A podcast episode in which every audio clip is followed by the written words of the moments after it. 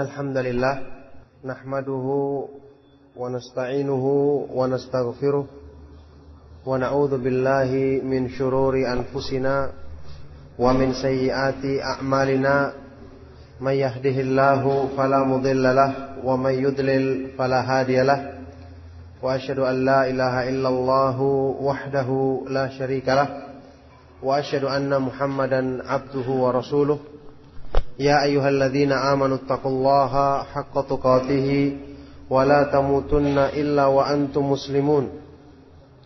يا أيها الناس اتقوا ربكم الذي خلقكم من نفس واحدة وخلق منها زوجها وبث منهما رجالا كثيرا ونساء واتقوا الله الذي تساءلون به والأرحام إن الله كان عليكم رقيبا. يا أيها الذين آمنوا اتقوا الله وقولوا قولا سديدا يصلح لكم أعمالكم ويغفر لكم ذنوبكم ومن يطع الله ورسوله فقد فاز فوزا عظيما. أما بعد فإن أصدق الحديث كتاب الله وخير الهدي هدي محمد صلى الله عليه وآله وسلم وشر الأمور محدثاتها وكل محدثة بدعة وكل بدعة ضلالة وكل ضلالة في النار أيها الإخوة في الله إخواني وأخواتي في الدين رحمكم الله Alhamdulillah pada hari ini kembali kita memuji Allah Subhanahu wa taala dan bersyukur atas semua limpahan nikmatnya. Kita masih diberikan kekuatan iman masih tetap ditunjukkan atau dijadikan tetap berada di atas jalan ahlu sunnah wal jamaah dimudahkan untuk talabul ilmi untuk mengkaji masalah-masalah yang penting dalam agama yang tujuannya nanti akan membawa kita kepada kebaikan dan upaya untuk meraih keimanan yang sempurna di hadapan Allah Subhanahu wa taala. Ayo ikhwatu fillah, pada malam hari ini tema yang kita akan bahas mengenai ahlu sunnah wal jamaah dan tazkiyatun nufus ahlu sunnah wal jamaah dalam pensucian jiwa. Tema ini perlu kita bahas sehubungan dengan persangkaan sebagian orang yang kurang faham atau kurang memahami manhaj salaf ahlu sunnah wal jamaah. Mereka kurang memahami manhaj ahlu sunnah wal jamaah dengan mengatakan bahwa ahlu sunnah wal jamaah kurang memberikan perhatian terhadap yang namanya upaya pensucian jiwa Bahkan cenderung pembahasan tentang pensucian jiwa ini diklaim atau dianggap cuma milik dari kelompok-kelompok tertentu. Dalam hal ini orang-orang yang menisbatkan dirinya kepada sebagai orang-orang yang paling paham tentang masalah jiwa, masalah yang berhubungan dengan perbaikan hati, upaya pembersihan hati yaitu orang-orang ahli tasawuf.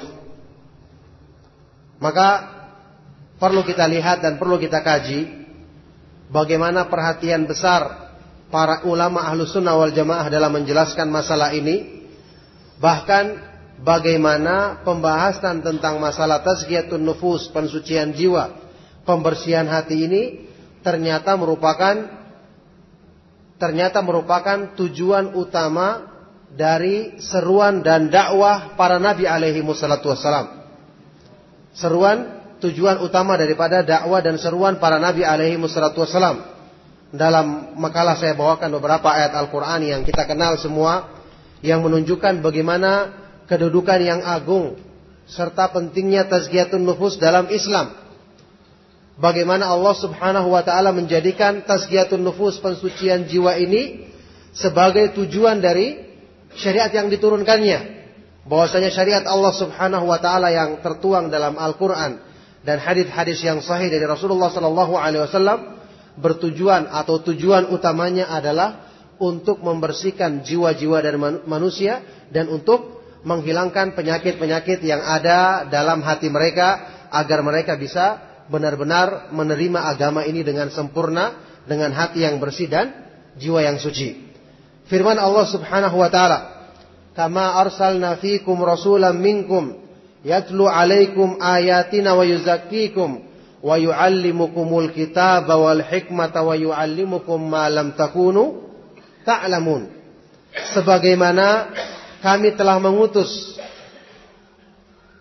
kami telah mengutus untuk kalian wahai manusia seorang rasul dari kalanganmu sendiri.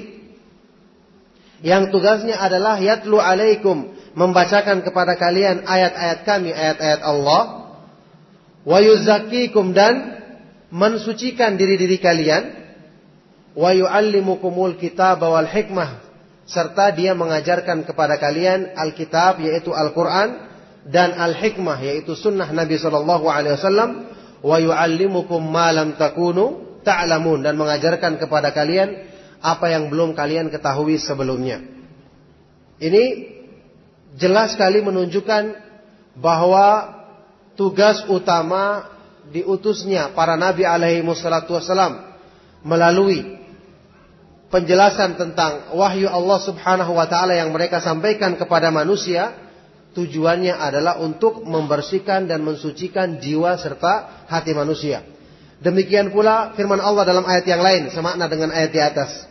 Laqad mannallahu 'alal mu'minina id ba'atsa fihim rasulan min anfusihim yatlu 'alaihim ayatihi wa yuzakkihim wa yu'allimuhumul kitaba wal hikmata wa in kanu min qablu lafi dhalalim mubin. Sungguh-sungguh Allah telah memberikan anugerah yang besar kepada orang-orang yang beriman ketika dia mengutus kepada mereka seorang rasul dari kalangan mereka sendiri, dari diri-diri mereka sendiri. Yang tugasnya Rasul ini adalah membacakan kepada mereka ayat-ayat Allah dan wayuzakihim mensucikan jiwa-jiwa mereka, membersihkan hati-hati mereka dan mengajarkan kepada mereka Al-Quran dan Al-Hikmah yaitu sunnah Nabi Shallallahu Alaihi Wasallam. Wa inkanu min qablu lafi dhalalim mubin meskipun sebelumnya sebelumnya datang Rasul tersebut mereka benar-benar hidup dalam kesesatan yang nyata. Dua ayat ini dan masih banyak ayat yang semakna dengan ini menggambarkan dengan jelas bahwa tugas utama mereka para rasul alaihi wassalam bahkan fungsi utama daripada wahyu Allah Subhanahu wa taala Al-Qur'an dan sunnah adalah untuk mensucikan dan membersihkan jiwa manusia. Kalau timbul pertanyaan, kalau dikatakan tugas utama mereka adalah mensucikan jiwa, melakukan tazkiyatun nufus kepada umat manusia, kalau begitu bagaimana kita mengkompromikan dengan keterangan bahwa tugas utama para rasul adalah mendakwakan tauhid. Memurnikan tauhid kepada Allah Subhanahu wa taala. Bagaimana cara menggabungkannya? Maka jawabannya adalah inti dari justru yang merupakan inti daripada tauhid adalah untuk membersihkan membersihkan hati manusia. Membersihkan jiwa manusia.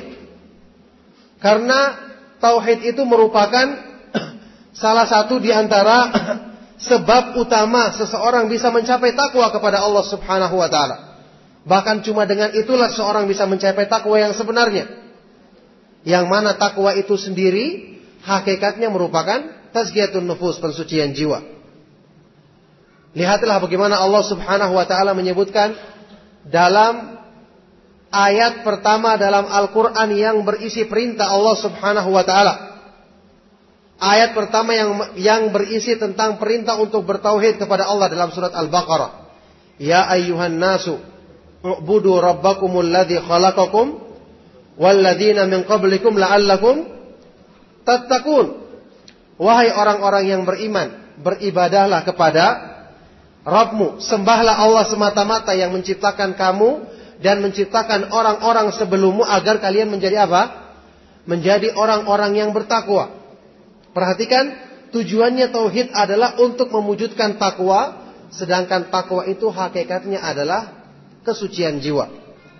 Pensucian jiwa karena kesucian jiwa tidak akan dicapai kecuali jika jiwa manusia diisi dengan ketakwaan kepada Allah Subhanahu wa taala. Ini merupakan makna dalam doanya Nabi Shallallahu alaihi wasallam, Allahumma ati nafsi taqwaha wa zakkiha anta khairu man zakaha anta waliyuha wa maulaha. Ya Allah berikanlah kepada jiwaku ketakwaannya Dan sucikanlah jiwaku dengan ketakwaan itu. Engkaulah sebaik-baik yang mensucikannya. Anta waliyuha wa maulaha. Engkaulah yang menguasainya dan melindunginya. Jadi di sini jelas sekali bahwa tauhid justru tujuannya adalah untuk mensucikan jiwa-jiwa manusia dengan ketakwaan kepada Allah Subhanahu wa taala. Maka dari sini kita mengetahui bahwa ternyata Tazkiyatun nufus, pensucian jiwa sangat besar dan agung kedudukannya dalam Islam. Oleh karena itulah para ulama sangat memberikan perhatian besar dalam masalah ini.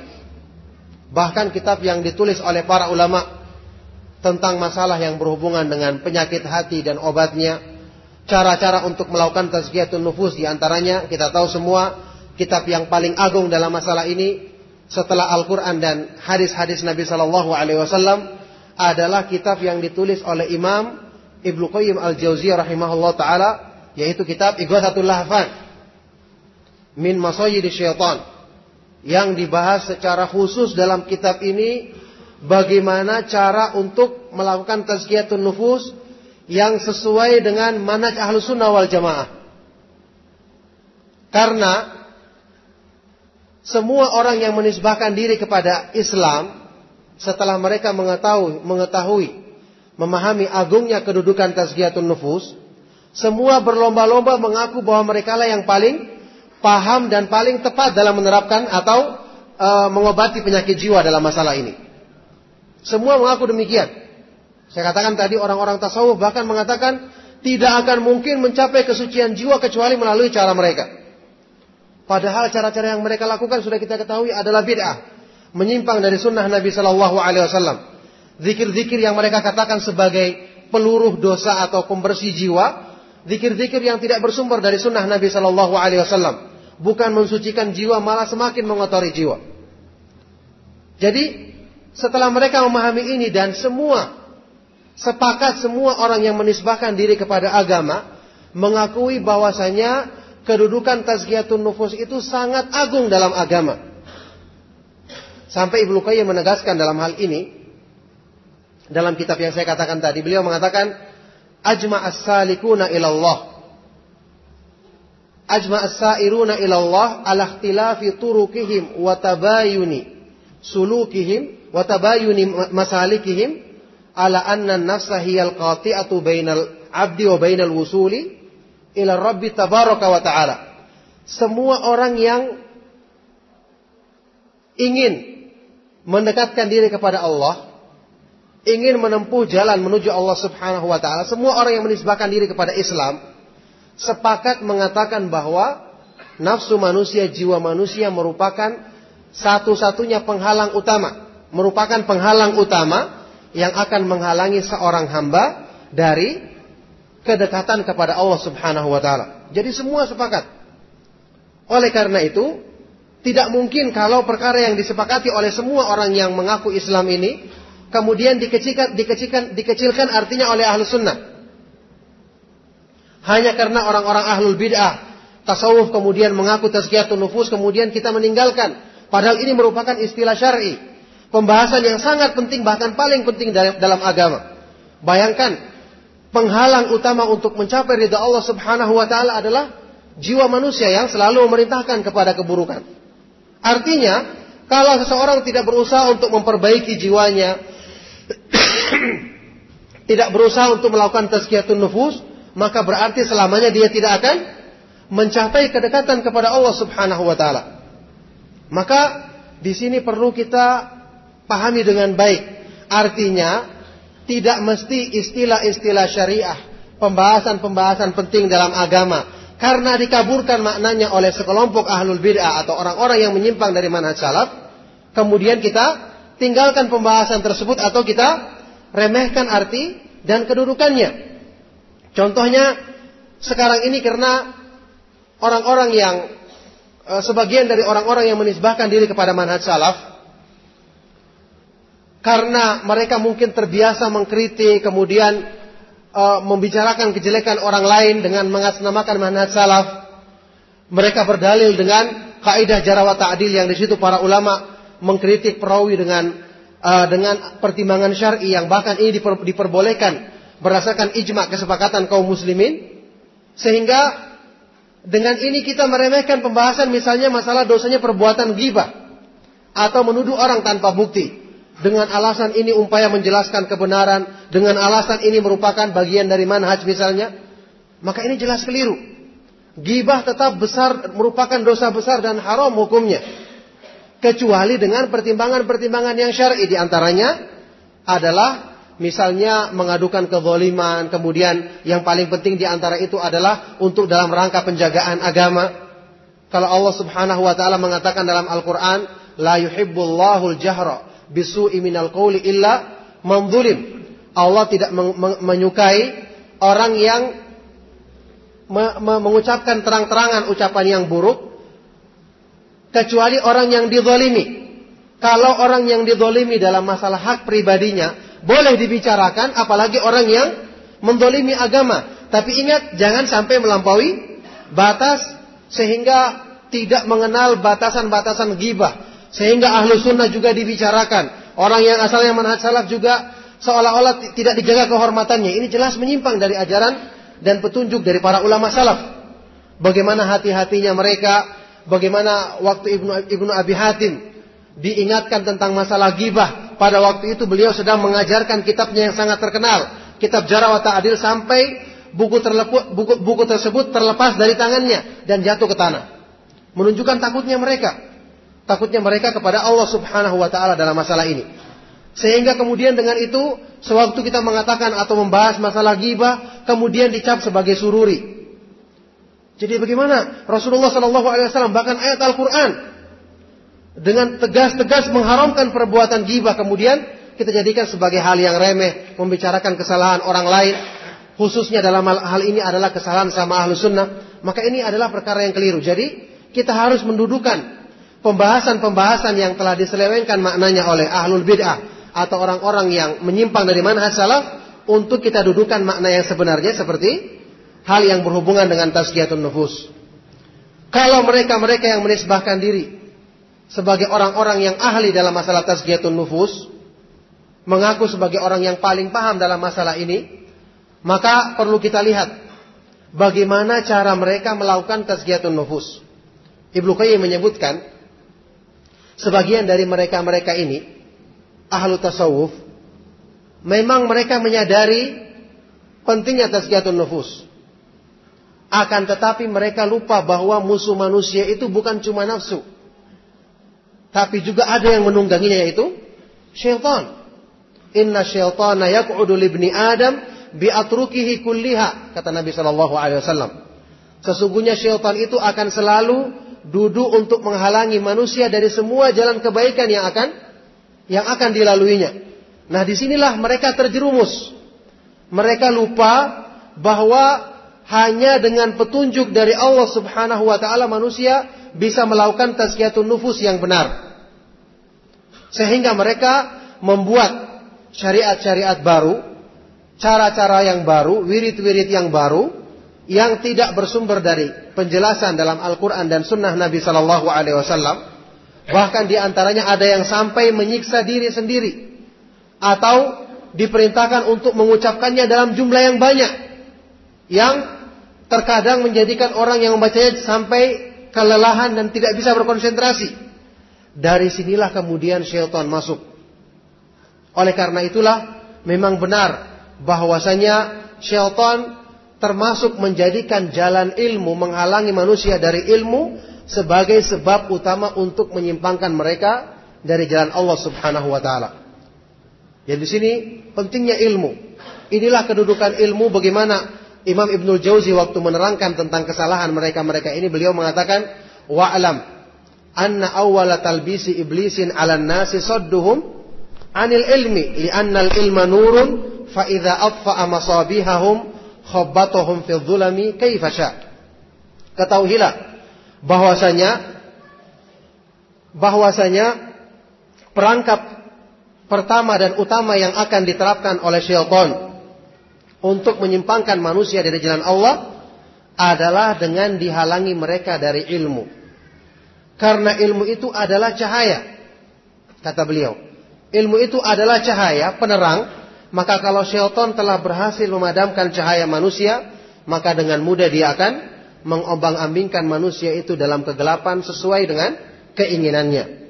Nah, oleh karena itulah di sini pentingnya kita memahami bahwa musuh manusia itu adalah syaitan yang kemudian menunggangi hawa nafsu untuk kepentingannya. Oleh karena itu kita wajib memberikan perhatian dan mengupayakan yang namanya tazkiyatun nufus tapi dengan cara yang sesuai dengan syariat, dengan cara yang sesuai dengan ilmu.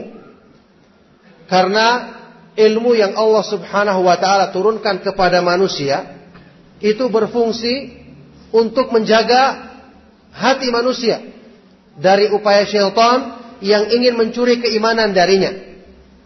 Sampai-sampai para ulama sewaktu menjelaskan mengapa dalam banyak atau dalam beberapa nas dari hadis-hadis yang sahih Rasulullah Shallallahu Alaihi Wasallam mengumpamakan orang-orang yang berilmu seperti bintang-bintang di langit, mengumpamakan fungsinya ilmu dalam dalam menjaga dan menerangi jalan manusia seperti bintang-bintang di langit.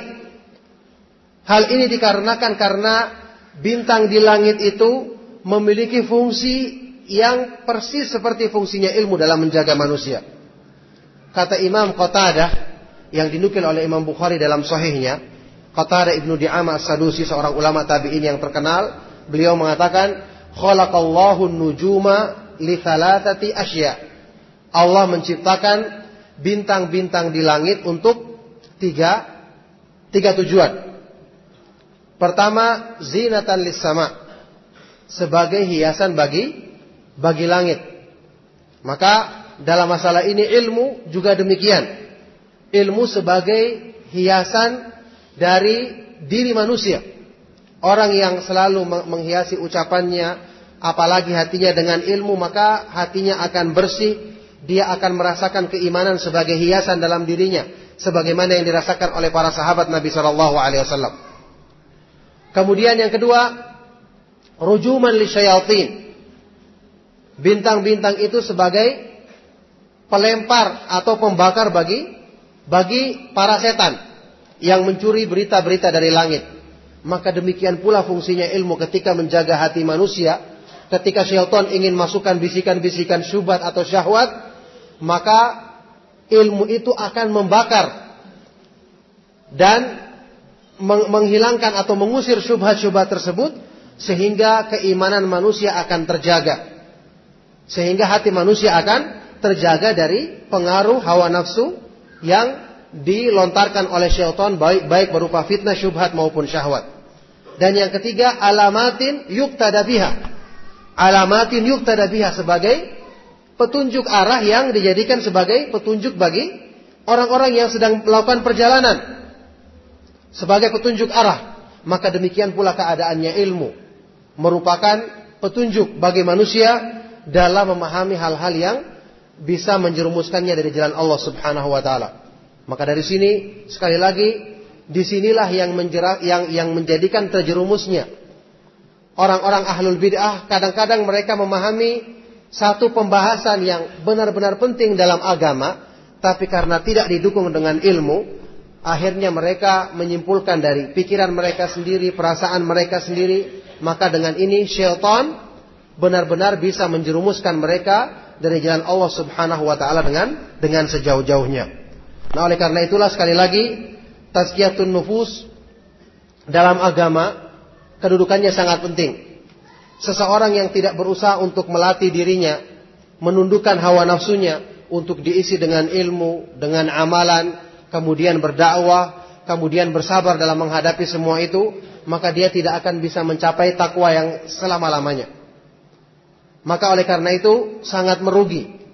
Seorang yang sudah mengenal manhaj salaf diberikan sekian banyak kenikmatan mengenal manhaj salaf, mempelajari ilmu agama, mengetahui sekian banyak macam kebaikan-kebaikan dalam agama, tapi bersamaan dengan itu orang tersebut tidak juga sadar untuk segera merubah diri. Nah, ini jelas ciri-ciri ini bukan termasuk ciri-ciri orang yang mengambil manfaat daripada ilmu. Sudah sekian lama dia belajar, waktu pertama kali dia mengikuti pengajian, dia semangat dengan bertekad mengatakan, kalau saya sudah faham agama, saya sudah mengerti agama, saya akan berusaha mengamalkannya. Tapi sampai sekarang belum juga terwujud hal tersebut. Ini jelas bukan tasgiyatun nufus. Ini jelas merupakan ciri-ciri orang-orang yang hatinya kotor. Yang berarti perlu dibersihkan. Apa gunanya kita belajar selama ini memahami petunjuk Allah subhanahu wa ta'ala. Yang merupakan sumber bagi pembersih hati manusia, tapi ternyata kebersihan hati dalam diri kita juga tidak terwujud. Ini merupakan kerugian. Dengan kita mengenal manhaj salaf seharusnya peluang kita untuk mendapatkan dan bisa meraih sekian banyak keutamaan itu terbuka dan terbentang luas di hadapan kita. Tapi ternyata sampai saat ini juga hal tersebut masih kita tunda-tunda, kita katakan nanti-nanti dan nanti sampai juga sudah berkeluarga, sudah punya anak, tidak ada lagi yang ditunggu kecuali kematian, juga masih taswif. Mengulur-ulur waktu. Mengulur-ulur waktu dengan mengatakan nanti-nanti dan nanti. Oleh karena itu kata Ibnu Qayyim, taswif itu merupakan junudu syaitan. Tentara syaitan yang paling berbahaya dan paling mampu menjerumuskan manusia dari jalan Allah Subhanahu wa taala. At-taswif. Keinginan atau kesenangan untuk selalu menunda dan mengulur-ulur waktu untuk segera bertobat dan kembali kepada Allah Subhanahu wa taala. Maka oleh karena itulah ayo ikhwatu fillah, para ulama salaf adalah sebaik-baik contoh dalam masalah tazkiyatun nufus.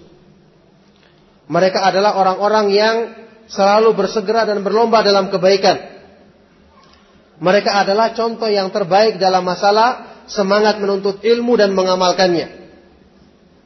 Ini bukti bagaimana pengaruh ilmu dalam memperbaiki hati dan mensucikan jiwa mereka. Inilah bukti akan kesucian jiwa mereka. Oleh karena itulah mereka menyebutkan tentang masalah kedudukan tazkiyatun nufus dalam Islam. Di antaranya Imam Maimun Ibnu Mihran mengatakan la yablugul abdu haqiqata taqwa hatta yakuna li nafsihi ashadda muhasabatan minasyariki li syariki. Seseorang tidak akan mencapai hakikat takwa kecuali setelah dia benar-benar dalam upaya untuk senantiasa mensucikan dirinya, mengintrospeksi dirinya lebih ketat dari seorang sekutu dagang dalam mengintrospeksi dan memeriksa rekan dagangnya yang selalu berkhianat. Jadi kalau dalam masalah-masalah dunia kita semangat untuk meneliti, untuk menghitung, maka seharusnya jiwa kita dan kondisi hati kita lebih kita perhatikan dan lebih berusaha untuk kita bersihkan lagi agar kita bisa mencapai kebaikan dalam dalam agama kita.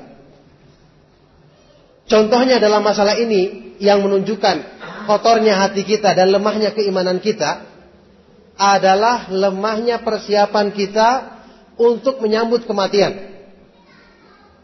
Masing-masing kita terkena penyakit tulul amal. Panjang angan-angan. Terlalu muluk angan-angannya. Semua sadar bahwasanya kematian itu pasti datang. Tiap hari kita melihat orang yang meninggal dunia masih muda, ada yang masih kecil, ada juga yang sudah tua. Semua masing-masing sadar bahwa kita ini setiap saat kemungkinan akan segera dipanggil oleh Allah Subhanahu wa taala. Tapi bersamaan dengan itu, persiapan yang kita lakukan juga sangat pas-pasan sekali. Justru kalau mengejar dunia, semua berlomba-lomba mengejarnya. Kalau yang berhubungan dengan keuntungan materi, semua berlomba-lomba dan tidak menunda dan, bersegera untuk meraihnya. Tapi dalam masalah kematian yang kita semua mengimaninya bersama-sama. Tiap hari mungkin kita baca ayat Al-Quran yang mengingatkan akan kematian. Hadis Nabi Shallallahu Alaihi Wasallam, "Aksiru min dzikri hadhimil ladzat."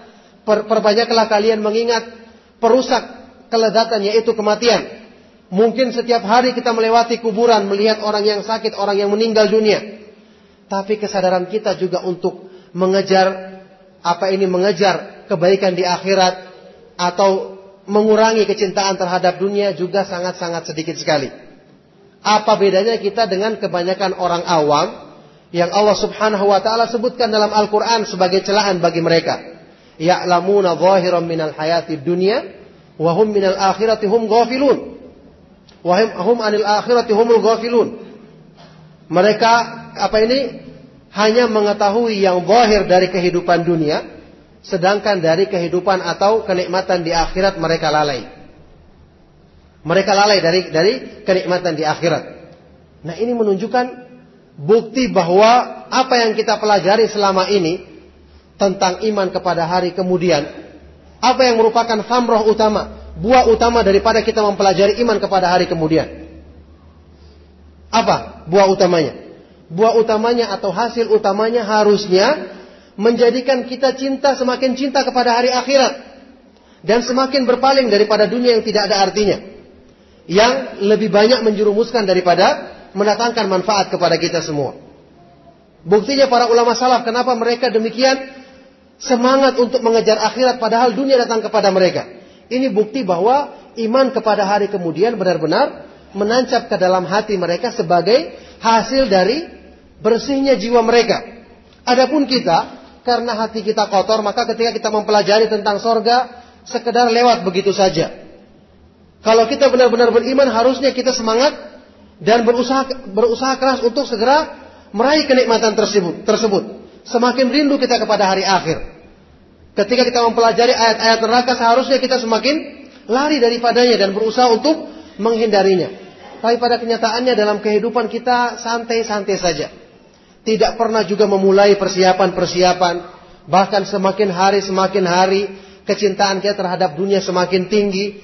Ilmu yang kita pelajari seolah-olah tidak ada atau kurang manfaatnya. Maka ini menunjukkan kelemahan kita. Kita tahu semua tentang makna sabda Nabi Shallallahu Alaihi Wasallam, "Ad-dunya sijnul mu'min wa jannatul kafir." Dunia itu adalah penjara bagi orang-orang yang beriman dan sorganya orang-orang kafir. Dan kita tahu semua di antara hikmahnya mengapa Allah Subhanahu wa taala menjadikan orang yang semakin besar imannya, semakin kuat imannya, semakin besar cobaannya. Di antara hikmahnya adalah agar orang yang beriman ini menyadari hakikatnya dunia itu cuma sementara dan bukan di sini tempat untuk bersenang-senang atau meraih kenikmatan yang yang abadi, yang benar-benar sempurna, agar dia semakin rindu kepada akhirat. Seandainya orang-orang yang beriman dijadikan senang hidupnya di dunia, maka dikhawatirkan dia akan lupa kepada kepada akhirat. Maka inilah hikmah dari Allah Subhanahu wa taala yang Allah jadikan dalam cobaan-cobaan atau di antara hikmah yang agung dari cobaan-cobaan yang diberikannya kepada hamba-hambanya yang beriman. Maka di sini yang menjadi koreksi bagi diri kita semua. Bandingkan keadaan kita dengan para ulama salaf. Memang benar, saya sudah pernah terangkan dalam pengajian, bukanlah yang namanya zuhud itu semua harus miskin. Tidak ada yang mengatakan demikian. Akan tetapi zuhud itu adalah tidak panjang angan-angan dalam dunia. Tidak panjang angan-angan dalam dunia. Kata Imam Ahmad waktu ditanya tentang ayu syai'in az-zuhdu fi dunia, apakah pengertian zuhud yang di dunia yang sebenarnya? beliau mengatakan kosrul amal. Tidak panjang angan-angan. Angan-angan yang tidak muluk-muluk dalam kehidupan dunia. Man idza asbaha qala la umsi. Yaitu orang yang ketika dia berada di waktu pagi, dia mengatakan, aku tidak aku khawatir tidak akan mencapai waktu waktu sore hari lagi. Ini pengertian zuhud yang sebenarnya. Memang tidak mengharuskan orang tersebut miskin, yang penting tidak tergantung dia atau bersandar kepada dunia atau kedudukan yang dimilikinya. Tapi kebanyakan kita tidak bisa melaksanakan hal ini. Kebanyakan kita memiliki dunia dan hati kita ikut terikat dengan dunia tersebut. Oleh karena itu meskipun tidak menjadi syarat zuhud itu harus miskin, tapi kita harus waspada dengan namanya harta. Waspada dengan namanya kedudukan duniawi. Karena Nabi Wasallam mengingatkan, Inna likulli ummatin fitnat fitnatun wa fitnatu ummatiya al-mal. Inna likulli ummatin fitnatan wa fitnatu ummati al-mal. Sesungguhnya masing-masing umat memiliki fitnah yang akan menjerumuskan mereka dan fitnah bagi umatku adalah adalah harta. Jadi ini yang mengharuskan kita untuk waspada. Terbukti banyak orang-orang yang disibukkan dengan dunia sehingga lalai. Makanya para ulama salaf sangat khawatir tentang masalah dunia. Mereka berusaha untuk menghindarinya dan tidak berlomba-lomba dalam mengejarnya. Mereka menyadari betul tentang peringatan Nabi Shallallahu Alaihi Wasallam yang kita kenal semua hadis yang masyhur yang sampai dijelaskan secara khusus oleh Imam Ibn Rajab dalam sebuah risalah menunjukkan penting dan benar-benar agungnya kedudukan hadis ini untuk kita renungkan. Sabda Nabi Shallallahu Alaihi Wasallam, "Ma bani ja'iani ursila fi ghanamin ursila fi ghanamin bi afsada min hirsil ma min, min hirsil mar'i alal mali wal jahi lidinihi. Tidaklah dua ekor serigala kelaparan yang dilepaskan kepada ghanam, sekumpulan kambing, sekawanan kambing dalam hal merusaknya ini tidak melebihi kerusakan yang ditimbulkan oleh ambisi manusia untuk mengejar harta dan kedudukan duniawi dalam merusak agamanya. Jadi ini yang namanya tazkiyatun nufus yang sebenarnya. Mengapa para ulama salaf berusaha untuk menghindari kedudukan dunia? Ataupun kalaupun mereka mencari harta adalah sekedar untuk lebih banyak membantu mereka dalam meningkatkan ketakwaan dan ketaatan kepada Allah Subhanahu wa taala karena mereka benar-benar mereka menyadari hakikat daripada kehidupan di dunia. Mereka menyadari betul sabda makna sabda Nabi sallallahu alaihi wasallam mali walid dunya ma ana ma ana fid dunya illa karakibin istadalla tahta syajaratin thumma raha wa tarakaha.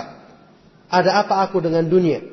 Tidak ada urusanku dengan dunia. Tidak lain keadaanku dalam dunia ini adalah dalam kehidupan di dunia adalah seperti orang yang sedang menunggang kendaraan kemudian berteduh sebentar di bawah naungan sebuah pohon kemudian ketika datang waktu sore raha wa tarakaha kemudian dia pun meninggalkan pohon tersebut. Tidak ada ketergantungan dan keterikatan dengan dunia sama sekali.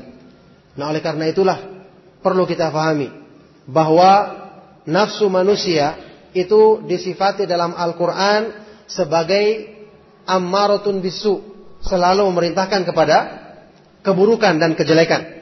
Ini asal sifat daripada nafsu maka setiap yang berhubungan dengan bisikan nafsu harus dicurigai. Jangan seorang pun merasa pede terhadap keinginan nafsunya sendiri. Bahkan Ibnu Qayyim mengatakan, kalau ada dua pilihan yang kita bingung dalam menentukan pilihan tersebut, lihat yang paling dekat kepada nafsu maka tinggalkan karena itu mesti membawa kepada kepada keburukan. Ini hukum asalnya. Nafsu manusia adalah selalu memerintahkan kepada keburukan. Maka kalau ada perbuatan yang nafsu cenderung padanya, maka itu perlu dicurigai dan dituduh. Karena nafsu manusia, kalau kita ingin perbaiki, itu tidak ada cara kecuali dengan mukhalafatuha wa muhasabatuha, kata Ibnu Qayyim. Kalau ingin diluruskan, agar bisa menjadi nafsu yang mutmainnah, yang disebutkan dalam Al-Quran, ya ayat Tuhan nafsul mutmainnah, irji'i ila rabbiki radiyatan mardiyah. Wahai jiwa-jiwa yang tenang. Wahai jiwa-jiwa yang selalu tenang, bahagia ketika beribadah dan mendekatkan diri kepada Allah. Irji'i ila rabbiki radiyatan mardiyah. Kembalilah kepada Rabbmu dalam keadaan ridho dan diridhoi. Untuk bisa menjadikan nafsu seperti ini, maka tidak ada cara lain kecuali dengan mukhalafatuha wa muhasabatuha. Selalu menyelisihi keinginannya dan selalu mengoreksi apa yang di, dimauinya. Jadi kalau manusia tidak bersiap untuk berjuang menundukkan hawa nafsunya, tidak ada kemauan untuk selalu mengintrospeksi dirinya dalam setiap perbuatannya, maka ini merupakan alamat kebinasaan. Berarti dia akan selalu memanjakan hawa nafsunya untuk selalu ada pada sifat buruk asalnya, yaitu ammaratun bisu, selalu memerintahkan kepada keburukan, selalu memerintahkan kepada kepada kejahatan. Nah, oleh karena itulah kita pelajari semua dalam buku yang baru kita bahas mungkin dalam masalah akidah usul salasa. Syekh penulis Syekh Muhammad Abdul Wahab menjelaskan dalam kitab tersebut tentang maratibu jihadin nafs. Tahapan-tahapan perjuangan untuk menundukkan hawa nafsu. Sangat mudah untuk dihafal, tapi sulit untuk diamalkan. Pertama, menundukkan nafsu kita agar mau memahami ilmu agama. Karena ini merupakan obat utama untuk menundukkan hawa nafsu. Setelah itu menundukkan nafsu untuk mau mengamalkannya. Sekedar belajar untuk dijadikan wawasan, pengetahuan, tidak mau merubah diri, maka ini tidak ada manfaatnya. Bahkan ini mungkin bisa menjadi wabal, menjadi malapetaka bagi orang yang mempelajarinya. Tidak ada upaya untuk mempraktekkan agama. Dia sudah mengetahui satu keutamaan, tapi dia tidak berusaha untuk memaksa dirinya agar bisa mengamalkannya. Padahal dia tahu bahwa ini adalah sesuatu yang sangat bermanfaat untuk mengarahkan nafsunya. Maka tidak ada seorang pun yang baru belajar, saya sudah sering tekankan dalam pengajian, tidak ada seorang pun yang belajar kemudian langsung tiba-tiba berubah seketika menjadi baik tanpa melatih diri. Tidak mungkin. Allah Subhanahu wa taala hikmahnya enggan untuk menjadikan yang seperti ini. Semua harus dengan perjuangan. Kalau bukan karena adanya perjuangan, tidak akan bisa dibedakan mana orang-orang yang sungguh dan mana orang-orang yang dusta. Itu hikmahnya. Makanya semua harus dengan perjuangan. Rasulullah Shallallahu Alaihi Wasallam bersabda, "Waman yatasabbar yusabbiruhullah, waman yasta'iffa yu'iffuhullah." Barang siapa yang berusaha bersabar, barulah Allah akan berikan kesabaran kepadanya. Barang siapa yang berusaha untuk selalu menjaga kehormatan dirinya, barulah Allah akan berikan sifat iffah, terjaga kehormatan kepada dirinya. Rasulullah Shallallahu Alaihi Wasallam juga bersabda, "Alaikum bisidqi fa inna sidqa yahdi ilal jannah." Fa inna sidqa yahdi ilal birri wa innal birra yahdi ilal jannah wa ma zala ar-rajulu yasduku wa yataharra sidqa hatta yuktaba indallahi siddiqa. Hendaknya kalian selalu menetapi kejujuran karena kejujuran itu akan membawa kepada kebaikan dan kebaikan itu akan membawa kepada sorga. Senantiasa seseorang itu bersikap jujur, berkata jujur, dan selalu mengutamakan kejujuran, sampai akhirnya dia akan dituliskan di sisi Allah Subhanahu wa taala sebagai siddiq, orang-orang yang sangat kuat kejujurannya dalam keimanannya. Jadi harus latihan. Jadi harus mazala yasduq wa yataharra Senantiasa dia ber, melatih dirinya untuk jujur dan selalu mengutamakan kejujuran. Kalau tanpa latihan tidak bisa. Kalau terbiasa dia berdusta, terbiasa berbohong maka yuktaba indallahi kadzdzaba wa ma zala ar-rajulu yakdzibu wa yataharral kadhiba hatta yuktaba indallahi kadzdzaba kata Rasulullah SAW. Senantiasa seorang itu berdusta dan selalu mengutamakan kedustaan sampai nanti dia akan dituliskan di sisi Allah Subhanahu wa taala sebagai pendusta. Jadi sebagaimana kebaikan perlu dilatih, maka demikian pula naudzubillah min dzalik sifat buruk yang selalu dibiasakan, maka itu yang akan menguasai hati manusia nantinya. Maka di sini benar-benar mujahadatun nafs, upaya untuk menundukkan nafsu agar bisa memiliki kebaikan, ini sudah saatnya dan sudah harus kita mulai saat ini. Kapan lagi kita menunggu waktunya? Sudah sekian lama kita mengikuti pengajian. Sudah sering kita mendengarkan peringatan dari Allah Subhanahu wa taala. Saya pernah sampaikan dalam pengajian, kalau sampai sahabat saja dicela dalam Al-Qur'an atau ditegur dalam Al-Qur'an dalam firman Allah Subhanahu wa taala, alam ya'ni lil amanu an takhsha'a qulubuhum li dzikrillahi wa ma nazala minal haqq wa la yakunu kal ladzina utul kitaba min qablu fatala alaihimul amadu faqasat qulubuhum wa katsirun minhum fasikun belumkah datang waktunya bagi orang-orang yang beriman untuk tunduk hati mereka ketika mengingat Allah Subhanahu wa taala dan terhadap kebenaran yang diturunkan kepada mereka. Dan janganlah mereka berbuat seperti orang-orang ahlul kitab sebelum mereka yang ketika berlalu masa yang panjang tidak ingat-ingat juga meskipun banyak keterangan dan nasihat dari Allah yang turun kepada mereka. Akibatnya apa? Fakosat kulubuhum. Hati mereka kemudian menjadi beku. Hati mereka terkunci. Tidak bisa menerima kebenaran lagi selamanya setelah itu. Dan kebanyakan mereka adalah orang-orang yang rusak. Ini teguran kepada para sahabat padahal demikian semangatnya mereka beramal. Kata Ibnu Mas'ud radhiyallahu taala anhu, "Maka baina islamina wa baina an atabana Allah atabana Allah bihadhil ayati illa khamsu sinin."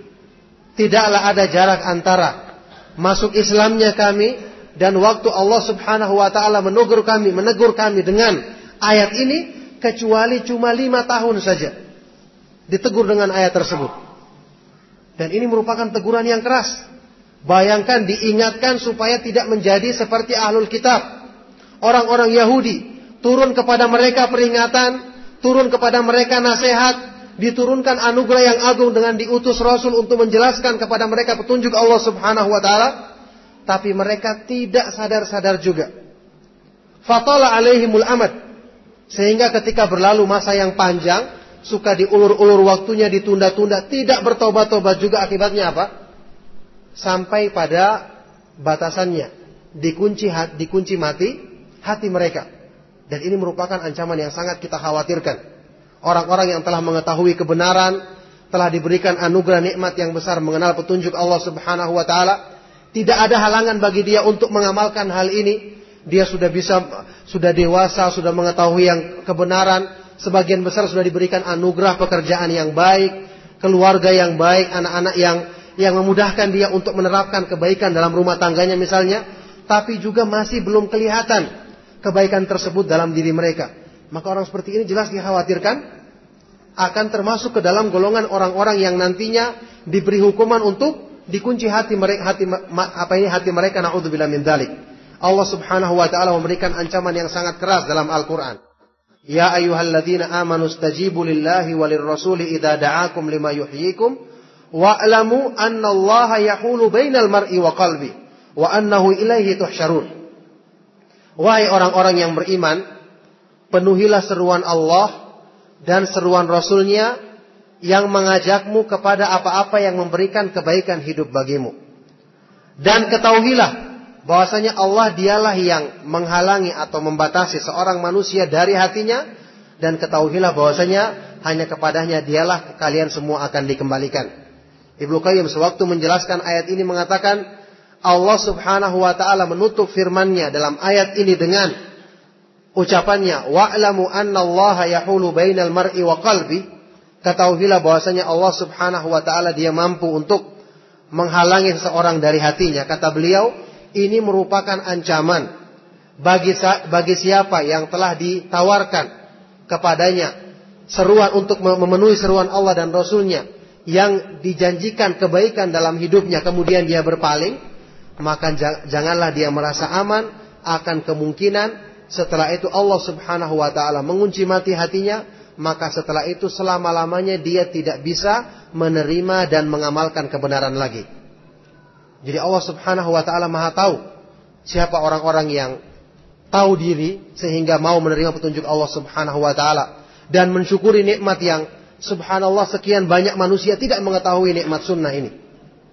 Tapi kemudian kita diberi, kemudian juga tidak kita mensyukurinya dan manfaatkannya dengan sebaik-baiknya. Maka inilah ya ikhwatu fillah yang namanya tazkiyatun nufus. Tazkiyatun nufus adalah upaya untuk membersihkan jiwa dengan cara merenungi makna ayat-ayat Al-Quran dan Sunnah Nabi Sallallahu Alaihi Wasallam untuk menghilangkan penyakit-penyakit dalam diri kita. Kemudian kita berusaha untuk mengamalkannya dan menerapkannya dalam kehidupan kita. Nah oleh karena itulah sekali lagi dengan pembahasan atau kajian ini dan insya Allah sudah kita ketahui sebelumnya sekedar mengingatkan bahwa pembahasan tentang tazkiyatun nufus memang merupakan pembahasan yang sangat penting dalam agama kita dan dalam makalah yang saya berikan ini yang dikopikan ini saya sudah jelaskan tentang cara-cara untuk melakukan tazkiyatun nufus menurut pemahaman ahlu sunnah wal jamaah dan sekaligus bantahan terhadap orang-orang yang menyimpang dalam masalah ini. Maka semoga Allah subhanahu wa ta'ala menjadikan kajian yang kita adakan pada malam hari ini sebagai sebab untuk kita kemudian bersegera dalam melakukan kebaikan, bersegera dalam bertobat dan kembali kepada Allah Subhanahu wa taala. Dan semoga Allah Subhanahu wa taala senantiasa menganugerahkan taufiknya dan ke kekuatan iman dan keteguhan iman kepada kita semua sampai kita nanti meninggal dunia. Saya cukupkan dan afwan atas segala kekurangannya. Sallallahu wasallam wa baraka ala nabiyina Muhammadin wa ala alihi wa ashabihi wa man tabi'ahum bi sallallahu yaumil qiyamah wa akhiru da'wana alhamdulillahi rabbil alamin. Subhanakallahumma wa bihamdika asyhadu an la ilaha illa anta astaghfiruka wa atubu ilaik.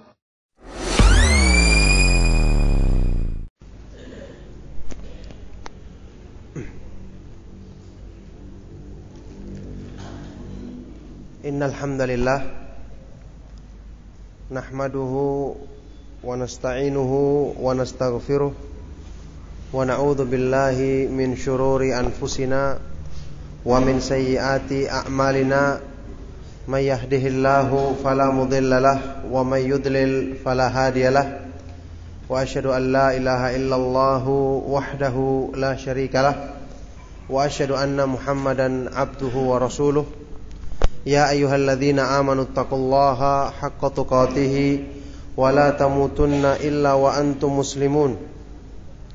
يا أيها الناس اتقوا ربكم الذي خلقكم من نفس واحدة وخلق منها زوجها وبث منهما رجالا كثيرا ونساء واتقوا الله الذي تساءلون به والأرحام إن الله كان عليكم رقيبا. يا أيها الذين آمنوا اتقوا الله وقولوا قولا سديدا يصلح لكم أعمالكم ويغفر لكم ذنوبكم ومن يطع الله ورسوله فقد فاز فوزا عظيما. أما بعد فإن أصدق الحديث كتاب الله وخير الهدي هدي محمد صلى الله عليه وآله وسلم وشر الأمور محدثاتها وكل محدثة بدعة وكل بدعة ضلالة وكل ضلالة في النار أيها الإخوة في الله إخواني وأخواتي في الدين رحمكم الله الحمد لله pada Alhamdulillah pada malam hari ini kembali kita memuji Allah Subhanahu wa taala dan bersyukur atas semua limpahan nikmatnya. Kita masih diberikan kekuatan iman masih tetap ditunjukkan atau dijadikan tetap berada di atas jalan ahlu sunnah wal jamaah dimudahkan untuk tolabul ilmi untuk mengkaji masalah-masalah yang penting dalam agama yang tujuannya nanti akan membawa kita kepada kebaikan dan upaya untuk meraih keimanan yang sempurna di hadapan Allah Subhanahu wa taala. Ayo ikhwatu fillah, pada malam hari ini tema yang kita akan bahas mengenai Ahlus Sunnah wal Jamaah dan Tazkiyatun Nufus ahlu sunnah wal jamaah dalam pensucian jiwa. Tema ini perlu kita bahas sehubungan dengan persangkaan sebagian orang yang kurang faham atau kurang memahami manhaj salaf ahlu sunnah wal jamaah mereka kurang memahami manhaj ahlu sunnah wal jamaah dengan mengatakan bahwa ahlu sunnah wal jamaah kurang memberikan perhatian terhadap yang namanya upaya pensucian jiwa. Bahkan cenderung pembahasan tentang pensucian jiwa ini diklaim atau dianggap cuma milik dari kelompok-kelompok tertentu. Dalam hal ini orang-orang yang menisbatkan dirinya kepada uh, sebagai orang-orang yang paling paham tentang masalah jiwa, masalah yang berhubungan dengan perbaikan hati, upaya pembersihan hati yaitu orang-orang ahli tasawuf. Maka perlu kita lihat dan perlu kita kaji bagaimana perhatian besar para ulama ahlu sunnah wal jamaah dalam menjelaskan masalah ini bahkan bagaimana pembahasan tentang masalah tazkiyatun nufus pensucian jiwa pembersihan hati ini ternyata merupakan ternyata merupakan tujuan utama dari seruan dan dakwah para nabi alaihi wassalam. Seruan tujuan utama daripada dakwah dan seruan para nabi alaihi wassalatu wassalam. Dalam makalah saya bawakan beberapa ayat Al-Qur'an yang kita kenal semua yang menunjukkan bagaimana kedudukan yang agung serta pentingnya tazkiyatun nufus dalam Islam bagaimana Allah Subhanahu wa taala menjadikan tazkiyatun nufus pensucian jiwa ini sebagai tujuan dari syariat yang diturunkannya. Bahwasanya syariat Allah Subhanahu wa taala yang tertuang dalam Al-Qur'an dan hadis-hadis yang sahih dari Rasulullah sallallahu alaihi wasallam bertujuan atau tujuan utamanya adalah untuk membersihkan jiwa-jiwa dari manusia dan untuk menghilangkan penyakit-penyakit yang ada dalam hati mereka agar mereka bisa benar-benar menerima agama ini dengan sempurna dengan hati yang bersih dan jiwa yang suci. Firman Allah Subhanahu wa taala, "Kama arsalna fikum rasulan minkum yatlu alaikum ayatina wa yuzakkikum wa yu'allimukumul kitaba wal hikmata wa yu'allimukum ma lam takunu ta'lamun. Sebagaimana kami telah mengutus kami telah mengutus untuk kalian wahai manusia seorang rasul dari kalanganmu sendiri yang tugasnya adalah yatlu alaikum membacakan kepada kalian ayat-ayat kami ayat-ayat Allah. Wa yuzakkikum dan mensucikan diri-diri kalian. Wa yuallimukumul kitab wal hikmah. Serta dia mengajarkan kepada kalian Alkitab yaitu Al-Qur'an dan Al-Hikmah yaitu sunnah Nabi sallallahu alaihi wasallam. Wa yuallimukum ma takunu ta'lamun dan mengajarkan kepada kalian apa yang belum kalian ketahui sebelumnya. Ini jelas sekali menunjukkan bahwa tugas utama diutusnya para nabi alaihi wassalatu wassalam melalui penjelasan tentang wahyu Allah Subhanahu wa taala yang mereka sampaikan kepada manusia tujuannya adalah untuk membersihkan dan mensucikan jiwa serta hati manusia. Demikian pula firman Allah dalam ayat yang lain semakna dengan ayat di atas.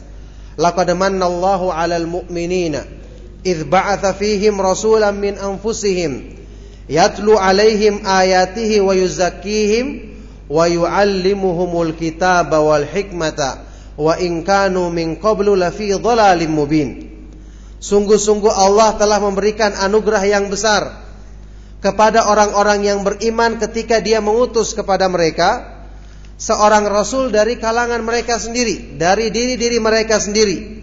Yang tugasnya rasul ini adalah membacakan kepada mereka ayat-ayat Allah dan wa yuzakkihim mensucikan jiwa-jiwa mereka, membersihkan hati-hati mereka dan mengajarkan kepada mereka Al-Quran dan Al-Hikmah yaitu sunnah Nabi Shallallahu Alaihi Wasallam. Wa in kanu min qablu lafi mubin. Meskipun sebelumnya sebelumnya datang Rasul tersebut mereka benar-benar hidup dalam kesesatan yang nyata dua ayat ini dan masih banyak ayat yang semakna dengan ini menggambarkan dengan jelas bahwa tugas utama mereka para Rasul alaihi wassalam bahkan fungsi utama daripada wahyu Allah Subhanahu wa taala Al-Qur'an dan sunnah adalah untuk mensucikan dan membersihkan jiwa manusia. Kalau timbul pertanyaan, kalau dikatakan tugas utama mereka adalah mensucikan jiwa, melakukan tazkiyatun nufus kepada umat manusia, kalau begitu bagaimana kita mengkompromikan dengan keterangan bahwa tugas utama para rasul adalah mendakwakan tauhid? memurnikan tauhid kepada Allah Subhanahu wa taala. Bagaimana cara menggabungkannya? Maka jawabannya adalah inti dari eh, justru yang merupakan inti daripada tauhid adalah untuk membersihkan membersihkan hati manusia. Membersihkan jiwa manusia. Karena tauhid itu merupakan salah satu di antara sebab utama seseorang bisa mencapai takwa kepada Allah Subhanahu wa taala. Bahkan cuma dengan itulah seorang bisa mencapai takwa yang sebenarnya. Yang mana takwa itu sendiri hakikatnya merupakan tazkiyatun nufus, pensucian jiwa. Lihatlah bagaimana Allah Subhanahu wa taala menyebutkan dalam ayat pertama dalam Al-Qur'an yang berisi perintah Allah Subhanahu wa taala. Ayat pertama yang yang berisi tentang perintah untuk bertauhid kepada Allah dalam surat Al-Baqarah. Ya ayyuhan nasu u'budu rabbakumul ladzi khalaqakum walladzina min qablikum la'allakum tattaqun. Wahai orang-orang yang beriman, beribadahlah kepada Rabbmu, sembahlah Allah semata-mata yang menciptakan kamu dan menciptakan orang-orang sebelummu agar kalian menjadi apa?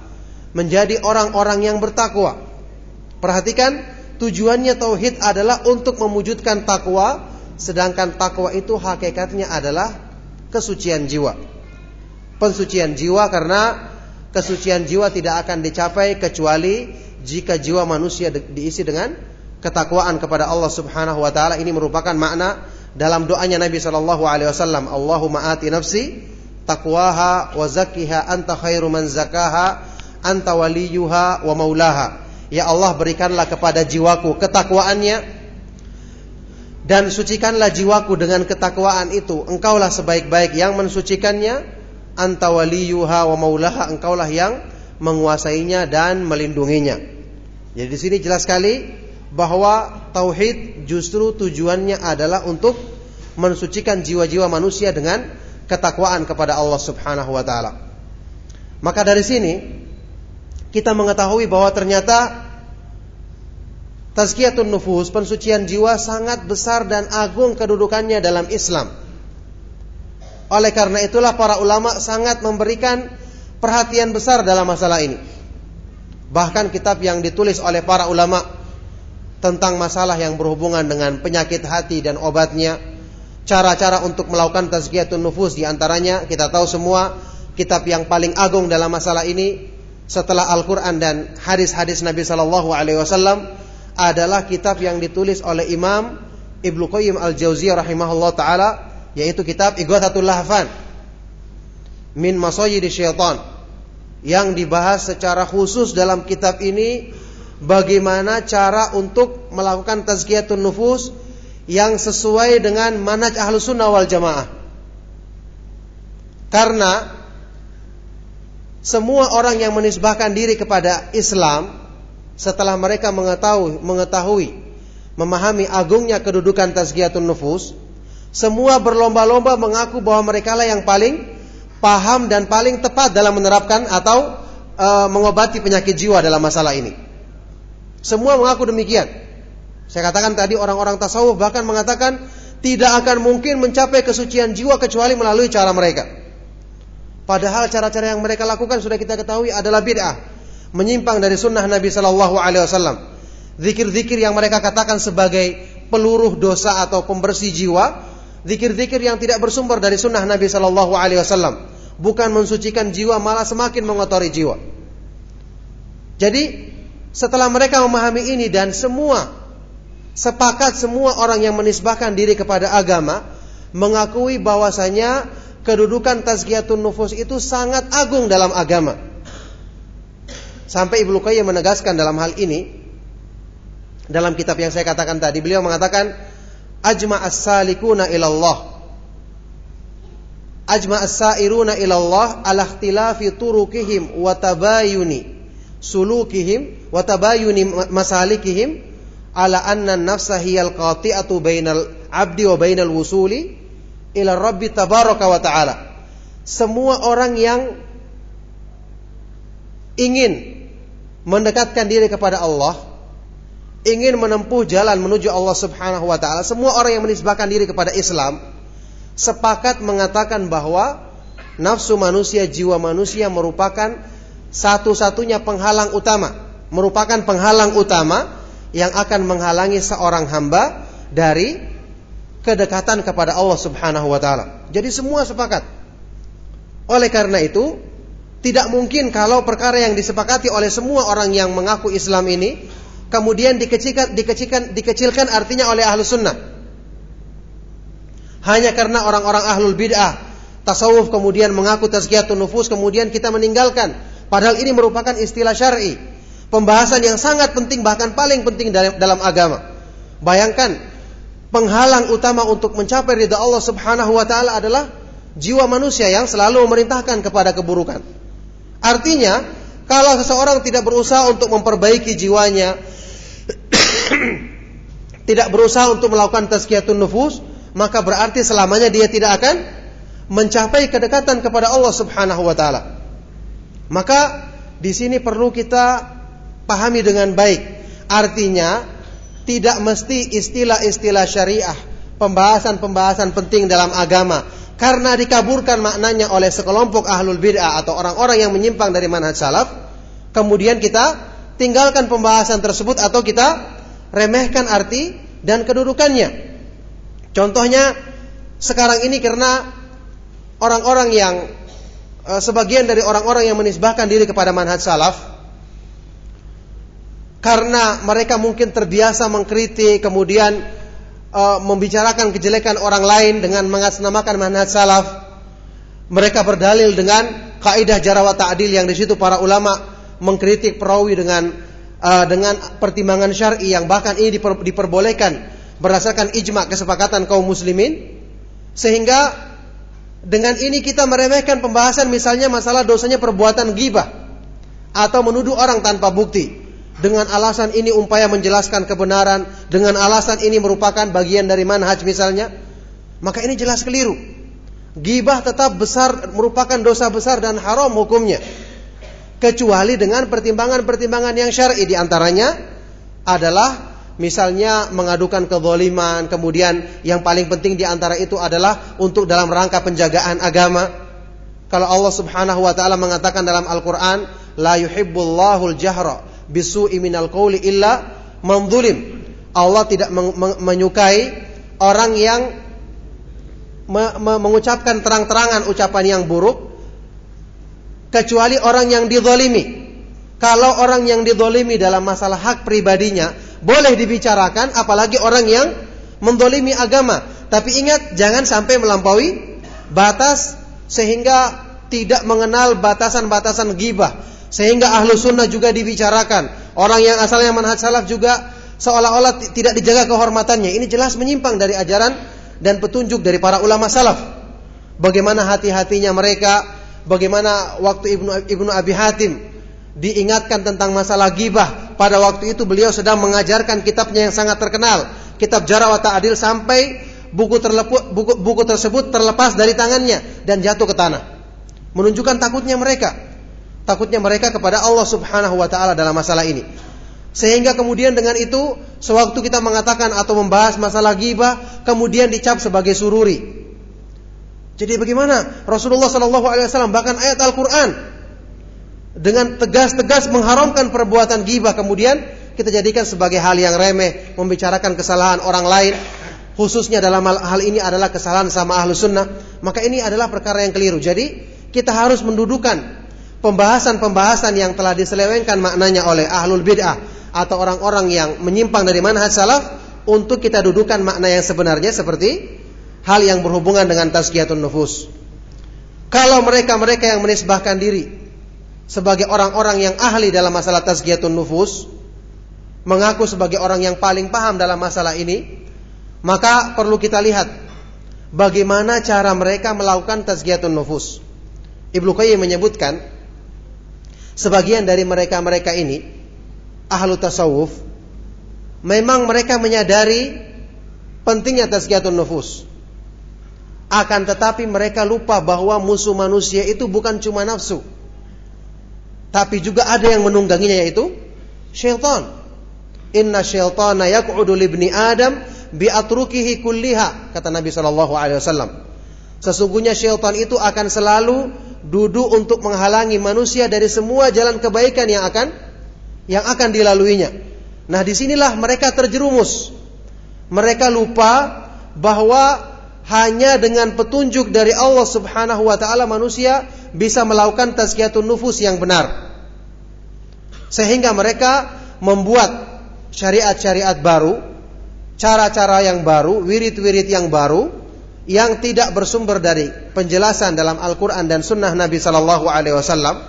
Bahkan di antaranya ada yang sampai menyiksa diri sendiri atau diperintahkan untuk mengucapkannya dalam jumlah yang banyak yang terkadang menjadikan orang yang membacanya sampai kelelahan dan tidak bisa berkonsentrasi. Dari sinilah kemudian syaitan masuk. Oleh karena itulah memang benar bahwasanya syaitan termasuk menjadikan jalan ilmu menghalangi manusia dari ilmu sebagai sebab utama untuk menyimpangkan mereka dari jalan Allah Subhanahu wa taala. Jadi di sini pentingnya ilmu.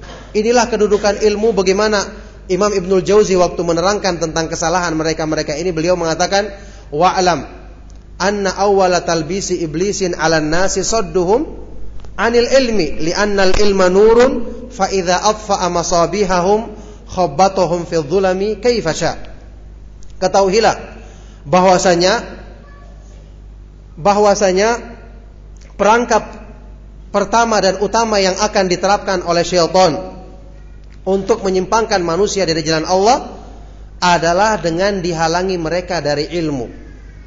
Karena ilmu itu adalah cahaya. Kata beliau, ilmu itu adalah cahaya penerang, maka kalau syaitan telah berhasil memadamkan cahaya manusia, maka dengan mudah dia akan mengombang-ambingkan manusia itu dalam kegelapan sesuai dengan keinginannya. Nah, oleh karena itulah di sini pentingnya kita memahami bahwa musuh manusia itu adalah syaitan yang kemudian menunggangi hawa nafsu untuk kepentingannya. Oleh karena itu kita wajib memberikan perhatian dan mengupayakan yang namanya tazkiyatun nufus tapi dengan cara yang sesuai dengan syariat, dengan cara yang sesuai dengan ilmu. Karena ilmu yang Allah Subhanahu wa taala turunkan kepada manusia itu berfungsi untuk menjaga hati manusia dari upaya syaitan yang ingin mencuri keimanan darinya. Sampai-sampai para ulama sewaktu menjelaskan mengapa dalam banyak atau dalam beberapa nas dari hadis-hadis yang sahih Rasulullah Shallallahu Alaihi Wasallam mengumpamakan orang-orang yang berilmu seperti bintang-bintang di langit mengumpamakan fungsinya ilmu dalam dalam menjaga dan menerangi jalan manusia seperti bintang-bintang di langit. Hal ini dikarenakan karena bintang di langit itu memiliki fungsi yang persis seperti fungsinya ilmu dalam menjaga manusia.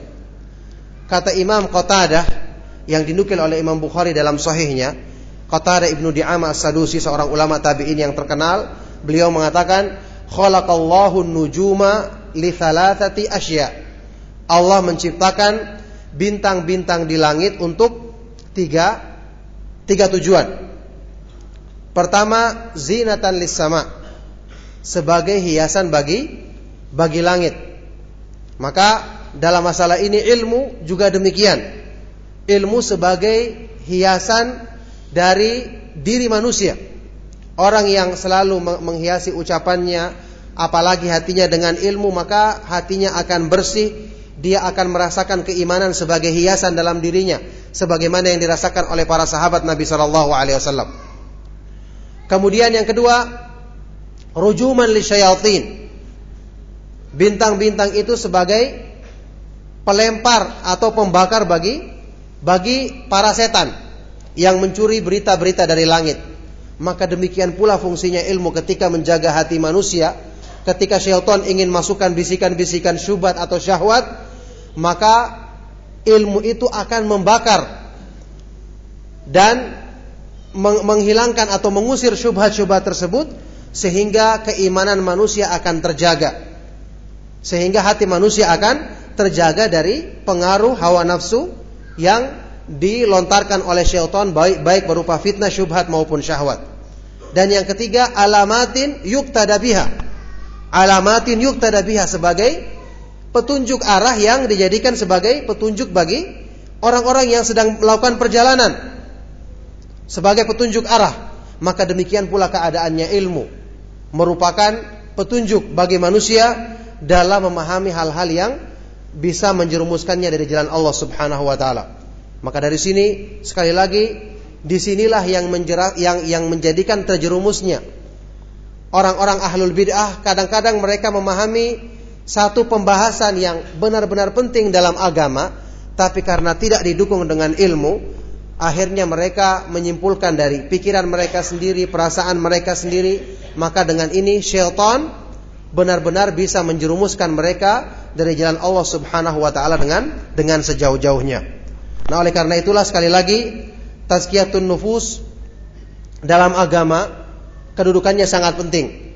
Seseorang yang tidak berusaha untuk melatih dirinya, menundukkan hawa nafsunya untuk diisi dengan ilmu, dengan amalan, kemudian berdakwah, kemudian bersabar dalam menghadapi semua itu, maka dia tidak akan bisa mencapai takwa yang selama-lamanya. Maka oleh karena itu sangat merugi seorang yang sudah mengenal manhaj salaf diberikan sekian banyak kenikmatan mengenal manhaj salaf, mempelajari ilmu agama, mengetahui sekian banyak macam kebaikan-kebaikan dalam agama, tapi bersamaan dengan itu orang tersebut tidak juga sadar untuk segera merubah diri. Nah, ini jelas ciri-ciri ini bukan termasuk ciri-ciri orang yang mengambil manfaat daripada ilmu. Sudah sekian lama dia belajar, waktu pertama kali dia mengikuti pengajian dia semangat dengan bertekad mengatakan kalau saya sudah faham agama, saya sudah mengerti agama, saya akan berusaha mengamalkannya. Tapi sampai sekarang belum juga terwujud hal tersebut. Ini jelas bukan tazkiyatun nufus. Ini jelas merupakan ciri-ciri orang-orang yang hatinya kotor, yang berarti perlu dibersihkan. Apa gunanya kita belajar selama ini memahami petunjuk Allah Subhanahu wa taala yang merupakan sumber bagi pembersih hati manusia, tapi ternyata kebersihan hati dalam diri kita juga tidak terwujud. Ini merupakan kerugian. Dengan kita mengenal manhaj salaf seharusnya peluang kita untuk mendapatkan dan bisa meraih sekian banyak keutamaan itu terbuka dan terbentang luas di hadapan kita. Tapi ternyata sampai saat ini juga hal tersebut masih kita tunda-tunda, kita katakan nanti-nanti dan nanti. Sampai juga sudah berkeluarga, sudah punya anak, tidak ada lagi yang ditunggu kecuali kematian, juga masih taswif. Mengulur-ngulur waktu. Mengulur-ngulur waktu dengan mengatakan nanti-nanti dan nanti. Oleh karena itu kata Ibnu Qayyim, taswif itu merupakan junudu syaitan. Tentara syaitan yang paling berbahaya dan paling mampu menjerumuskan manusia dari jalan Allah Subhanahu wa taala. At-taswif. Keinginan atau kesenangan untuk selalu menunda dan mengulur-ulur waktu untuk segera bertobat dan kembali kepada Allah Subhanahu wa taala.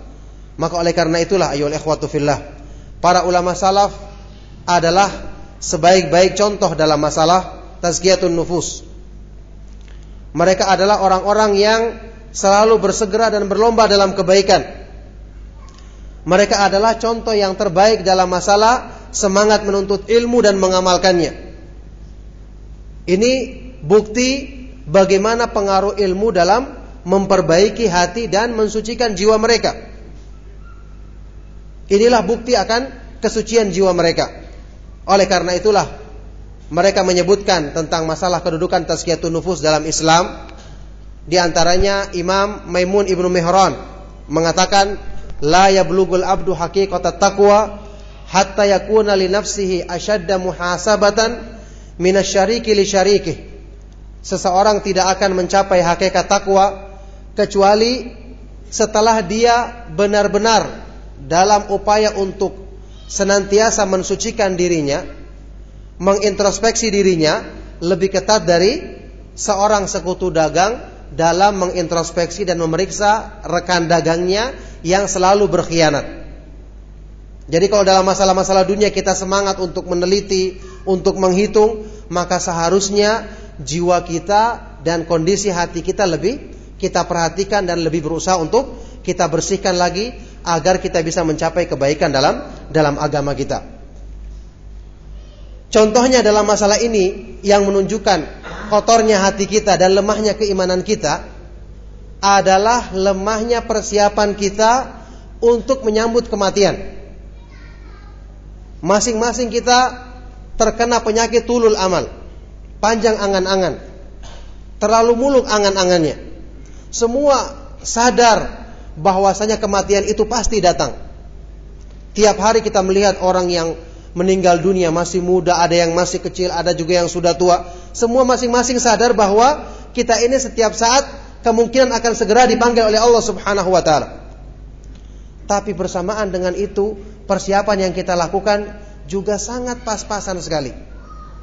Justru kalau mengejar dunia, semua berlomba-lomba mengejarnya. Kalau yang berhubungan dengan keuntungan materi, semua berlomba-lomba dan tidak menunda dan, dan bersegera untuk meraihnya. Tapi dalam masalah kematian yang kita semua mengimaninya bersama-sama. Tiap hari mungkin kita baca ayat Al-Quran yang mengingatkan akan kematian. Hadis Nabi Shallallahu Alaihi Wasallam, "Aksiru min dzikri hadhimil ladzat." Per, perbanyaklah kalian mengingat perusak kelezatan yaitu kematian. Mungkin setiap hari kita melewati kuburan melihat orang yang sakit, orang yang meninggal dunia. Tapi kesadaran kita juga untuk mengejar apa ini mengejar kebaikan di akhirat atau mengurangi kecintaan terhadap dunia juga sangat-sangat sedikit sekali. Apa bedanya kita dengan kebanyakan orang awam yang Allah Subhanahu wa taala sebutkan dalam Al-Qur'an sebagai celaan bagi mereka. Ya'lamuna zahiran minal hayati dunya wa hum minal akhirati hum ghafilun. Wa hum anil akhirati humul ghafilun. Mereka apa ini hanya mengetahui yang zahir dari kehidupan dunia, sedangkan dari kehidupan atau kenikmatan di akhirat mereka lalai. Mereka lalai dari dari kenikmatan di akhirat. Nah, ini menunjukkan bukti bahwa apa yang kita pelajari selama ini tentang iman kepada hari kemudian, apa yang merupakan famroh utama, buah utama daripada kita mempelajari iman kepada hari kemudian. Apa buah utamanya? buah utamanya atau hasil utamanya harusnya menjadikan kita cinta semakin cinta kepada hari akhirat dan semakin berpaling daripada dunia yang tidak ada artinya yang lebih banyak menjerumuskan daripada mendatangkan manfaat kepada kita semua. Buktinya para ulama salaf kenapa mereka demikian semangat untuk mengejar akhirat padahal dunia datang kepada mereka. Ini bukti bahwa iman kepada hari kemudian benar-benar menancap ke dalam hati mereka sebagai hasil dari bersihnya jiwa mereka. Adapun kita, karena hati kita kotor, maka ketika kita mempelajari tentang sorga, sekedar lewat begitu saja. Kalau kita benar-benar beriman, harusnya kita semangat dan berusaha berusaha keras untuk segera meraih kenikmatan tersebut. tersebut. Semakin rindu kita kepada hari akhir. Ketika kita mempelajari ayat-ayat neraka, seharusnya kita semakin lari daripadanya dan berusaha untuk menghindarinya. Tapi pada kenyataannya dalam kehidupan kita santai-santai saja tidak pernah juga memulai persiapan-persiapan, bahkan semakin hari semakin hari kecintaan kita terhadap dunia semakin tinggi, ilmu yang kita pelajari seolah-olah tidak ada atau kurang manfaatnya. Maka ini menunjukkan kelemahan kita. Kita tahu semua tentang makna sabda Nabi Shallallahu Alaihi Wasallam, "Ad-dunya sijnul mu'min wa jannatul kafir." Dunia itu adalah penjara bagi orang-orang yang beriman dan sorganya orang-orang kafir. Dan kita tahu semua di antara hikmahnya mengapa Allah Subhanahu wa taala menjadikan orang yang semakin besar imannya, semakin kuat imannya, semakin besar cobaannya. Di antara hikmahnya adalah agar orang yang beriman ini menyadari hakikatnya dunia itu cuma sementara dan bukan di sini tempat untuk bersenang-senang atau meraih kenikmatan yang yang abadi, yang benar-benar sempurna agar dia semakin rindu kepada akhirat. Seandainya orang-orang yang beriman dijadikan senang hidupnya di dunia, maka dikhawatirkan dia akan lupa kepada kepada akhirat. Maka inilah hikmah dari Allah Subhanahu wa taala yang Allah jadikan dalam cobaan-cobaan atau di antara hikmah yang agung dari cobaan-cobaan yang diberikannya kepada hamba-hambanya yang beriman. Maka di sini yang menjadi koreksi bagi diri kita semua. Bandingkan keadaan kita dengan para ulama salaf. Memang benar, saya sudah pernah terangkan dalam pengajian, bukanlah yang namanya zuhud itu semua harus miskin. Tidak ada yang mengatakan demikian. Akan tetapi zuhud itu adalah tidak panjang angan-angan dalam dunia. Tidak panjang angan-angan dalam dunia. Kata Imam Ahmad waktu ditanya tentang ayu syai'in az-zuhdu fi dunia, apakah pengertian zuhud yang di dunia yang sebenarnya? Beliau mengatakan qasrul amal. Tidak panjang angan-angan angan-angan yang tidak muluk-muluk dalam kehidupan dunia. Man idza asbaha qala la umsi, yaitu orang yang ketika dia berada di waktu pagi dia mengatakan aku tidak aku khawatir tidak akan mencapai waktu waktu sore hari lagi. Ini pengertian zuhud yang sebenarnya. Memang tidak mengharuskan orang tersebut miskin, yang penting tidak tergantung dia atau bersandar kepada dunia atau kedudukan yang dimilikinya. Tapi kebanyakan kita tidak bisa melaksanakan hal ini. Kebanyakan kita memiliki dunia dan hati kita ikut terikat dengan dunia tersebut. Oleh karena itu meskipun tidak menjadi syarat zuhud itu harus miskin, tapi kita harus waspada dengan namanya harta. Waspada dengan namanya kedudukan duniawi. Karena Nabi Wasallam mengingatkan, Inna likulli ummatin fitnat fitnatun wa fitnatu ummatia al mal. Inna likulli ummatin fitnatan wa fitnatu ummati al mal. Sesungguhnya masing-masing umat memiliki fitnah yang akan menjerumuskan mereka dan fitnah bagi umatku adalah adalah harta. Jadi ini yang mengharuskan kita untuk waspada. Terbukti banyak orang-orang yang disibukkan dengan dunia sehingga lalai. Makanya para ulama salaf sangat khawatir tentang masalah dunia. Mereka berusaha untuk menghindarinya dan tidak berlomba-lomba dalam mengejarnya. Mereka menyadari betul tentang peringatan Nabi Shallallahu Alaihi Wasallam yang kita kenal semua hadis yang masyhur yang sampai dijelaskan secara khusus oleh Imam Ibn Rajab dalam sebuah risalah menunjukkan penting dan benar-benar agungnya kedudukan hadis ini untuk kita renungkan. Sabda Nabi Shallallahu Alaihi Wasallam, "Ma bani ja'iani ursila fi ghanamin ursila fi ghanamin bi afsada min hirsil ma min, min hirsil mar'i alal mali wal jahi lidinihi. Tidaklah dua ekor serigala kelaparan yang dilepaskan kepada ghanam, sekumpulan kambing, sekawanan kambing dalam hal merusaknya ini tidak melebihi kerusakan yang ditimbulkan oleh ambisi manusia untuk mengejar harta dan kedudukan duniawi dalam merusak agamanya. Jadi ini yang namanya tazkiyatun nufus yang sebenarnya. Mengapa para ulama salaf berusaha untuk menghindari kedudukan dunia? Ataupun kalaupun mereka mencari harta adalah sekedar untuk lebih banyak membantu mereka dalam meningkatkan ketakwaan dan ketaatan kepada Allah Subhanahu wa taala karena mereka benar-benar mereka menyadari hakikat daripada kehidupan di dunia. Mereka menyadari betul sabda makna sabda Nabi Shallallahu alaihi wasallam mali walid dunya ma ana ma ana fid dunya illa karakibin istadalla tahta syajaratin thumma raha wa tarakaha ada apa aku dengan dunia tidak ada urusanku dengan dunia tidak lain keadaanku dalam dunia ini adalah dalam kehidupan di dunia adalah seperti orang yang sedang menunggang kendaraan kemudian berteduh sebentar di bawah naungan sebuah pohon kemudian ketika datang waktu sore raha wa tarakaha kemudian dia pun meninggalkan pohon tersebut. Tidak ada ketergantungan dan keterikatan dengan dunia sama sekali. Nah, oleh karena itulah perlu kita fahami bahwa nafsu manusia itu disifati dalam Al-Qur'an sebagai ammaratun bisu, selalu memerintahkan kepada keburukan dan kejelekan. Ini asal sifat daripada nafsu maka setiap yang berhubungan dengan bisikan nafsu harus dicurigai. Jangan seorang pun merasa pede terhadap keinginan nafsunya sendiri. Bahkan Ibnu Qayyim mengatakan, kalau ada dua pilihan yang kita bingung dalam menentukan pilihan tersebut, lihat yang paling dekat kepada nafsu maka tinggalkan karena itu mesti membawa kepada kepada keburukan. Ini hukum asalnya. Nafsu manusia adalah selalu memerintahkan kepada keburukan.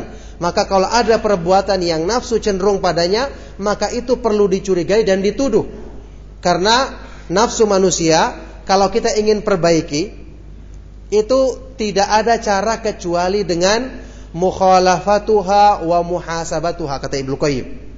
Kalau ingin diluruskan agar bisa menjadi nafsu yang mutmainnah yang disebutkan dalam Al-Qur'an, ya ayat Tuhan nafsul mutmainnah, irji'i ila rabbiki radiyatan mardiyah. Wahai jiwa-jiwa yang tenang, wahai jiwa-jiwa yang selalu tenang, bahagia ketika beribadah dan mendekatkan diri kepada Allah.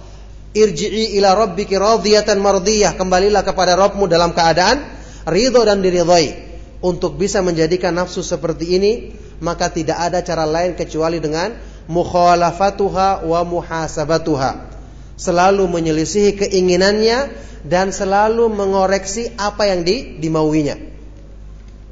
Jadi kalau manusia tidak bersiap untuk berjuang menundukkan hawa nafsunya, tidak ada kemauan untuk selalu mengintrospeksi dirinya dalam setiap perbuatannya, maka ini merupakan alamat kebinasaan. Berarti dia akan selalu memanjakan hawa nafsunya untuk selalu ada pada sifat buruk asalnya yaitu ammaratun bisu selalu memerintahkan kepada keburukan selalu memerintahkan kepada kepada kejahatan. Nah oleh karena itulah kita pelajari semua dalam buku yang baru kita bahas mungkin dalam masalah akidah. Usulut thalatha. Syekh penulis Syekh Muhammad Abdul Wahab menjelaskan dalam kitab tersebut tentang maratibu jihadin nafs tahapan-tahapan perjuangan untuk menundukkan hawa nafsu sangat mudah untuk dihafal tapi sulit untuk diamalkan Pertama, menundukkan nafsu kita agar mau memahami ilmu agama. Karena ini merupakan obat utama untuk menundukkan hawa nafsu. Setelah itu menundukkan nafsu untuk mau mengamalkannya. Sekedar belajar untuk dijadikan wawasan, pengetahuan, tidak mau merubah diri, maka ini tidak ada manfaatnya. Bahkan ini mungkin bisa menjadi wabal, menjadi malapetaka bagi orang yang mempelajarinya. Tidak ada upaya untuk mempraktekkan agama. Dia sudah mengetahui satu keutamaan, tapi dia tidak berusaha untuk memaksa dirinya agar bisa mengamalkannya. Padahal dia tahu bahwa ini adalah sesuatu yang sangat bermanfaat untuk mengarahkan nafsunya.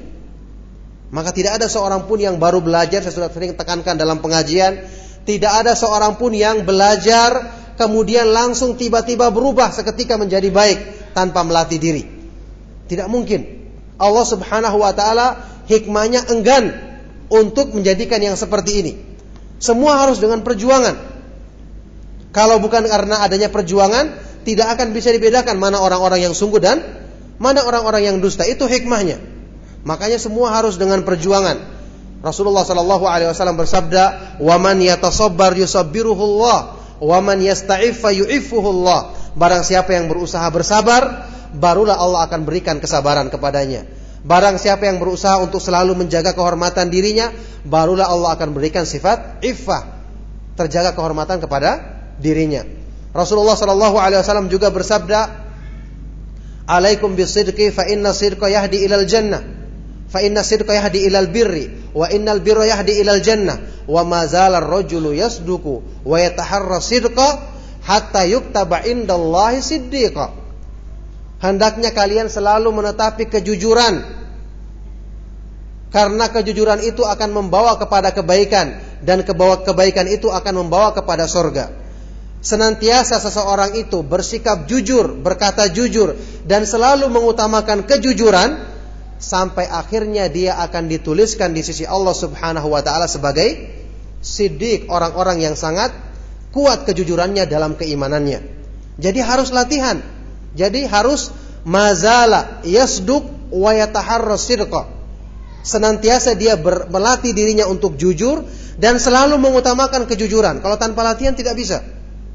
Kalau terbiasa dia berdusta, terbiasa berbohong maka yuktaba indallahi kadzdzaba wa ma zala ar-rajulu yakdzibu wa yataharral kadhiba hatta yuktaba indallahi kadzdzaba kata Rasulullah SAW. Senantiasa seorang itu berdusta dan selalu mengutamakan kedustaan sampai nanti dia akan dituliskan di sisi Allah Subhanahu wa taala sebagai pendusta. Jadi sebagaimana kebaikan perlu dilatih, maka demikian pula naudzubillah min dzalik sifat buruk yang selalu dibiasakan, maka itu yang akan menguasai hati manusia nantinya. Maka di sini benar-benar mujahadatun nafs upaya untuk menundukkan nafsu agar bisa memiliki kebaikan ini sudah saatnya dan sudah harus kita mulai saat ini. Kapan lagi kita menunggu waktunya? Sudah sekian lama kita mengikuti pengajian. Sudah sering kita mendengarkan peringatan dari Allah Subhanahu wa taala. Saya pernah sampaikan dalam pengajian, kalau sampai sahabat saja dicela dalam Al-Qur'an atau ditegur dalam Al-Qur'an dalam firman Allah Subhanahu wa taala, alam ya'ni lil amanu an takhsha'a qulubuhum li dzikrillahi wa ma nazala minal haqq.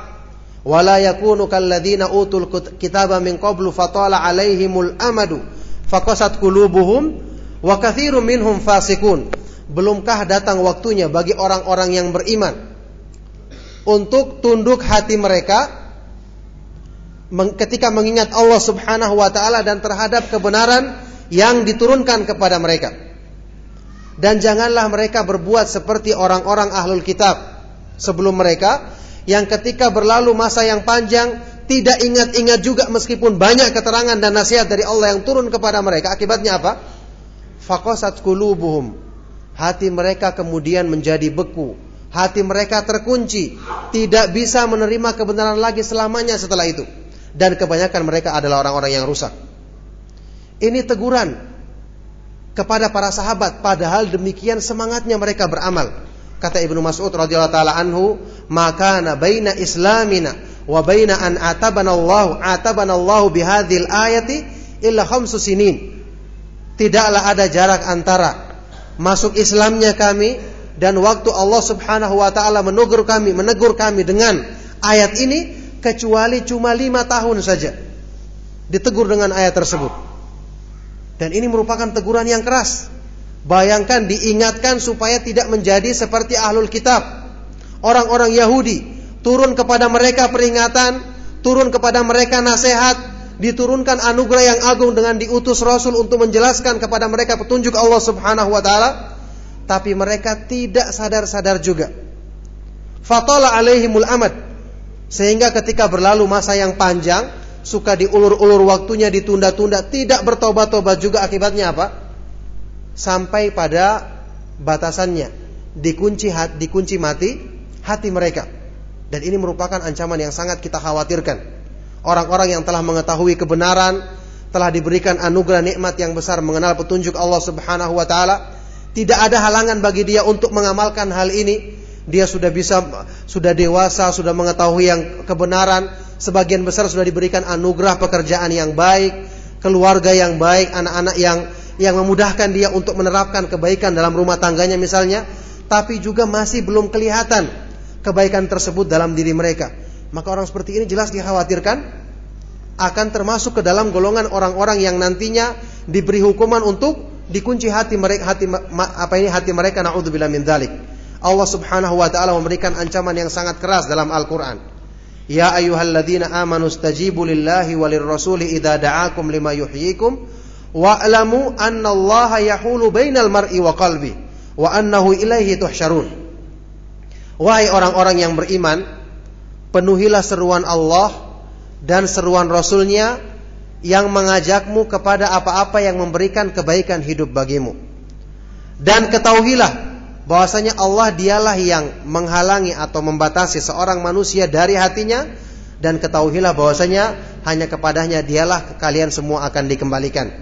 Ibnu Qayyim sewaktu menjelaskan ayat ini mengatakan Allah Subhanahu wa taala menutup firman-Nya dalam ayat ini dengan ucapannya wa'lamu annallaha yahulu bainal mar'i wa qalbi ketahuilah bahwasanya Allah Subhanahu wa taala dia mampu untuk menghalangi seseorang dari hatinya kata beliau ini merupakan ancaman bagi bagi siapa yang telah ditawarkan kepadanya seruan untuk memenuhi seruan Allah dan Rasulnya yang dijanjikan kebaikan dalam hidupnya kemudian dia berpaling maka janganlah dia merasa aman akan kemungkinan setelah itu Allah Subhanahu wa taala mengunci mati hatinya maka setelah itu selama-lamanya dia tidak bisa menerima dan mengamalkan kebenaran lagi.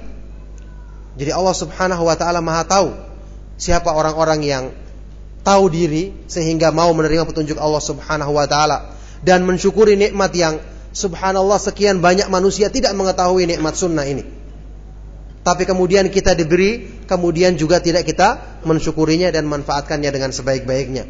Maka inilah ya ikhwatu fillah yang namanya tazkiyatun nufus. Tazkiyatun nufus adalah upaya untuk membersihkan jiwa dengan cara merenungi makna ayat-ayat Al-Qur'an dan sunnah Nabi sallallahu alaihi wasallam untuk menghilangkan penyakit-penyakit dalam diri kita, kemudian kita berusaha untuk mengamalkannya dan menerapkannya dalam kehidupan kita. Nah oleh karena itulah sekali lagi dengan pembahasan atau kajian ini dan insya Allah sudah kita ketahui sebelumnya sekedar mengingatkan bahwa pembahasan tentang tazkiyatun nufus memang merupakan pembahasan yang sangat penting dalam agama kita dan dalam makalah yang saya berikan ini yang di, dikopikan ini saya sudah jelaskan tentang cara-cara untuk melakukan tazkiyatun nufus menurut pemahaman ahlu sunnah wal jamaah dan sekaligus bantahan terhadap orang-orang yang menyimpang dalam masalah ini. Maka semoga Allah subhanahu wa ta'ala menjadikan kajian yang kita adakan pada malam hari ini sebagai sebab untuk kita kemudian bersegera dalam melakukan kebaikan, bersegera dalam bertobat dan kembali kepada Allah Subhanahu wa taala dan semoga Allah Subhanahu wa taala senantiasa menganugerahkan taufiknya dan ke kekuatan iman dan keteguhan iman kepada kita semua sampai kita nanti meninggal dunia. Saya cukupkan dan afwan atas segala kekurangannya. Sallallahu wasallam mubarak ala nabiyina Muhammad wa man tabi'ahum bi ihsan la yaumil qiyamah wa akhiru da'wana anil hamdulillahi rabbil alamin. Kalau ada pertanyaan silakan. Agar kita mudah mengamalkan jelas dengan petunjuk dari Allah Subhanahu wa taala. Oleh karena itu yang paling utama adalah dengan banyak berdoa.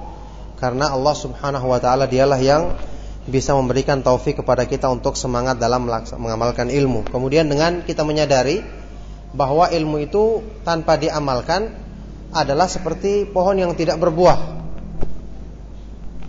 sahabat yang mulia Ali bin Abi Thalib radhiyallahu taala anhu dalam ucapan yang terkenal pernah mengatakan hatafal ilmu bil amal wa in ajaba wa illa irtahal.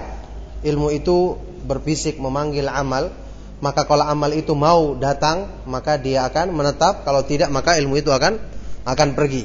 Oleh karena itu, ilmu dalam masalah ini yang tidak diamalkan, maka itu tidak akan memberikan manfaat. Oleh karena itulah sebagian dari para ulama Ibnu Qayyim menjelaskan bahwa makna sabda Nabi sallallahu alaihi wasallam man yuridillahu bihi khairan yufaqihu fid din. Barang siapa yang Allah kehendaki baginya kebaikan maka Allah jadikan dia fakih dalam agama. Beliau mengatakan fakih dalam agama di sini bukan cuma berarti sekedar pengetahuan tetapi al ilmu al muwarrithu lil amal saleh ilmu yang mewariskan amalan soleh itulah ilmu yang bermanfaat dan itulah ilmu yang menjadi pertanda uh, Allah Subhanahu wa taala menghendaki kebaikan pada diri seseorang.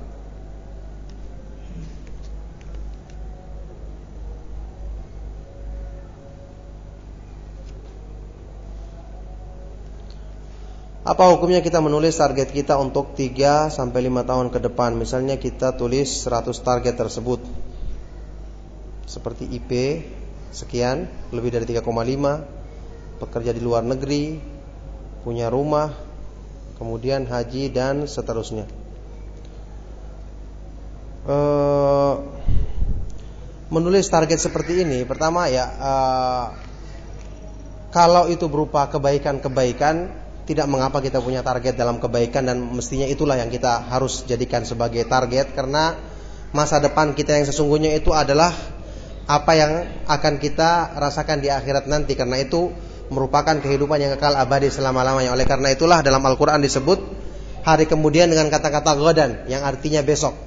Wal taundur nafsum ma lighad. Hendaknya masing-masing jiwa melihat apa yang diusahakannya untuk hari esoknya yaitu hari kemudian, hari akhirat. Maka itulah masa depan yang sebenarnya yang harusnya direncanakan sejak sekarang. Adapun menulis yang seperti ini kalau cuma bersifat duniawi, maka ini justru sebab yang menjadikan jiwa kita termanjakan dengan sifat asalnya yang selalu cenderung kepada keburukan dan selalu hanya mengutamakan hal-hal yang bersifat duniawi. Maka yang seperti ini sebaiknya dihindarkan. Kita bersandar kepada Allah Subhanahu wa taala. Justru Nabi Shallallahu alaihi wasallam bersabda dalam hadis yang kita ketahui semua, "Kun fid dunya ka'annaka gharibun aw abiru sabil." Jadilah kamu di dunia seperti orang asing atau orang yang terus melakukan perjalanan Ibnu Umar sewaktu menafsirkan hadis ini mengatakan, "Idza asbahta fala tantadhiril masa wa idza amsayta fala tantadhirus sabah wa khudh min sihhatika limaradika wa min hayatika limautika." Kalau kamu berada di waktu pagi, maka jangan tunggu datangnya waktu sore. Artinya jangan berharap kamu akan masih mencapai waktu sore. Segera berbuat sekarang, segera kembali kepada Allah, segera berusaha untuk melakukan kebaikan dengan segera mungkin. Dan kalau kamu berada di waktu sore jangan tunggu datang waktunya pagi. Pergunakanlah waktu sehatmu sebelum datang waktu sakitmu dan pergunakanlah masa-masa hidupmu sebelum datang kematian menjemputmu. Sampai disebutkan dalam beberapa biografinya para ulama ahlul hadis bahwa beberapa di antara mereka itu kalau disebutkan misalnya bahwa saat ini malaikat maut telah berada di pintu Anda untuk mencabut nyawa Anda, maka orang tersebut tidak mampu menambah lagi amalnya sedikit pun. Karena semua waktunya sudah diisi dengan amal kebaikan. Sampai pun dikatakan misalnya malaikat maut sudah datang sekarang. Biasanya orang kan akan segera beramal dan menambah amalnya, maka dia sudah tidak mampu lagi karena setiap hari siap. Bahkan setiap saat siap untuk menghadapi kematian. Itulah para ulama salaf demikian dalam mempersiapkan diri untuk menghadapi hari esok yang sesungguhnya. Benarkah dalil bahwa Allah bersama firasat atau target kita tidak benar? Allah Subhanahu wa taala tidak menjadikan target firasat manusia sebagai ukuran dalam menghukumi agama. Ada sebagian ulama yang menafsirkan firman Allah Subhanahu wa taala, "Inna fi dzalika la ayat la ayatan lil mutawassimin." Sesungguhnya pada yang demikian terdapat tanda bagi orang-orang yang mutawassim. Mutawassim ini bisa diartikan orang yang berfirasat. Tapi ini bukan berhubungan dengan masalah hukum atau kebaikan dalam agama. Ini cuma dalam masalah firasat. Itu pun ini hanya diperuntukkan bagi orang-orang yang berilmu dan mengamalkan ilmunya dengan kesucian atau kebaikan dalam hatinya memudahkan dia untuk mendapatkan bimbingan dari Allah Subhanahu wa taala untuk bisa berfirasat baik misalnya dalam e, memperkirakan keadaan seseorang atau hal-hal yang lainnya. Ini kata Ibnu Qayyim demikian. Jadi bukan sembarang orang yang bisa memilikinya dan bukan juga merupakan ukuran ukuran kebaikan karena termasuk bukti yang menunjukkan kesempurnaan agama Islam dibandingkan syariat syariat yang lainnya adalah dengan Islam ini dijadikan syariatnya sempurna sehingga tidak butuh kepada yang lainnya. Kalau umat-umat yang yang terdahulu mereka bisa seseorang e, karena bukan cuma rasul yang ada kadang-kadang nabi juga ada di antara mereka bahkan orang-orang yang bukan nabi juga bisa mendapatkan ilham sehingga Allah Subhanahu wa taala tidak menjadikan bahwasanya syariat mereka itu sempurna seperti syariat Islam. Rasulullah Shallallahu alaihi wasallam bersabda, "Inna fil umami muhaddatsun." Sesungguhnya pada umat-umat yang terdahulu ada orang-orang yang diberi ilham selain dari wahyu yang diturunkan kepada nabinya. Kata Nabi Shallallahu Alaihi Wasallam, wa iyakun fi ummati fa Umar radhiyallahu fa Umar radhiyallahu taala anhu. Seandainya ada di umatku yang demikian, ini menunjukkan tidak ada di umat ini ya. Seandainya ada maka orangnya cuma Umar ibn Khattab radhiyallahu taala anhu. Ini hadis sahih. Yang menunjukkan bahwasanya ilham itu tidak dibutuhkan di umat ini bisikan-bisikan selain dari petunjuk yang diturunkan dalam Al-Quran dan Sunnah Nabi Wasallam tidak dibutuhkan karena ini menunjukkan kesempurnaan dan lengkapnya syariat Islam.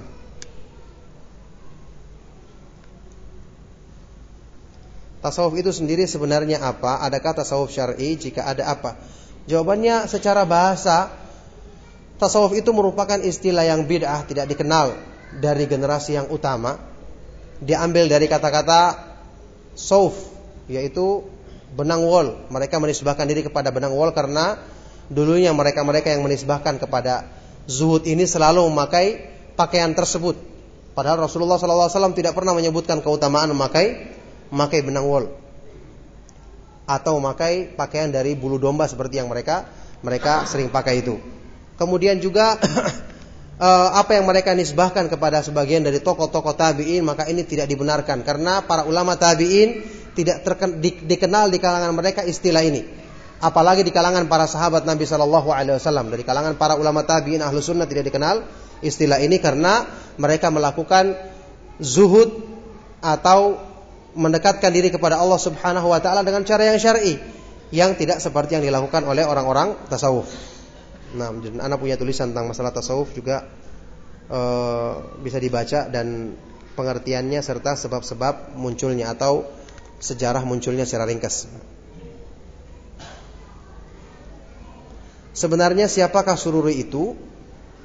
Apa hubungannya bedanya dengan ahlul bid'ah yang lainnya? Kalau hubungannya dengan ahlul bidah yang lainnya hubungannya baik-baik saja karena mereka sama-sama ahlul bidah gitu ya. Adapun siapakah sururi itu? Sururi itu nisbah.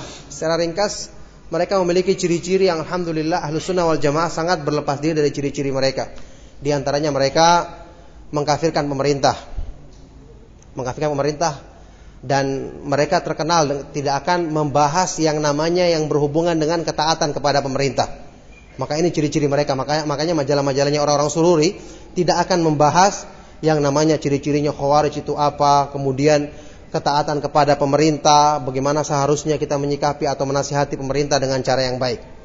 Justru mereka sering melakukan hal-hal yang membuat orang ragu terhadap pemerintahnya. Kemudian ciri-ciri mereka yang utama adalah mengagungkan tokoh-tokoh ahlul bid'ah dan justru merendahkan tokoh-tokoh ahlus sunnah dengan berbagai macam Alasan sehingga dalam tokoh-tokoh yang mereka tampilkan selalu orang-orang yang bermasalah atau diragukan manhajnya, sementara tokoh-tokoh ahlu sunnah yang jelas-jelas manhajnya mereka tidak berusaha untuk menampilkannya. Kemudian mereka kemudian memunculkan kaidah-kaidah bid'ah seperti muazanah harus menyebutkan kebaikan dan keburukan dan ini semua telah dibantah oleh para ulama dan inilah ciri-ciri sururi yang sebenarnya. Ciri-ciri sururi yang sebenarnya. Maka siapa yang melecehkan ulama termasuk mengatakan misalnya oh ulama fulan tidak faham manhaj, cuma ulamanya dia yang faham manhaj. Ini termasuk mencela ulama dan ini termasuk ciri-cirinya sururi. Disadari atau tidak? Siapa yang dulunya pernah mengkafirkan pemerintah atau menentang mereka sehingga melakukan hal-hal yang bersifat menentang pemerintah tanpa izin kepada mereka, ini juga ciri-cirinya sururi. ciri-cirinya sururi disadari atau atau tidak. Maka memang kebanyakan orang yang menuduh sururi justru mereka sendiri yang kadang-kadang terjerumus ke dalamnya.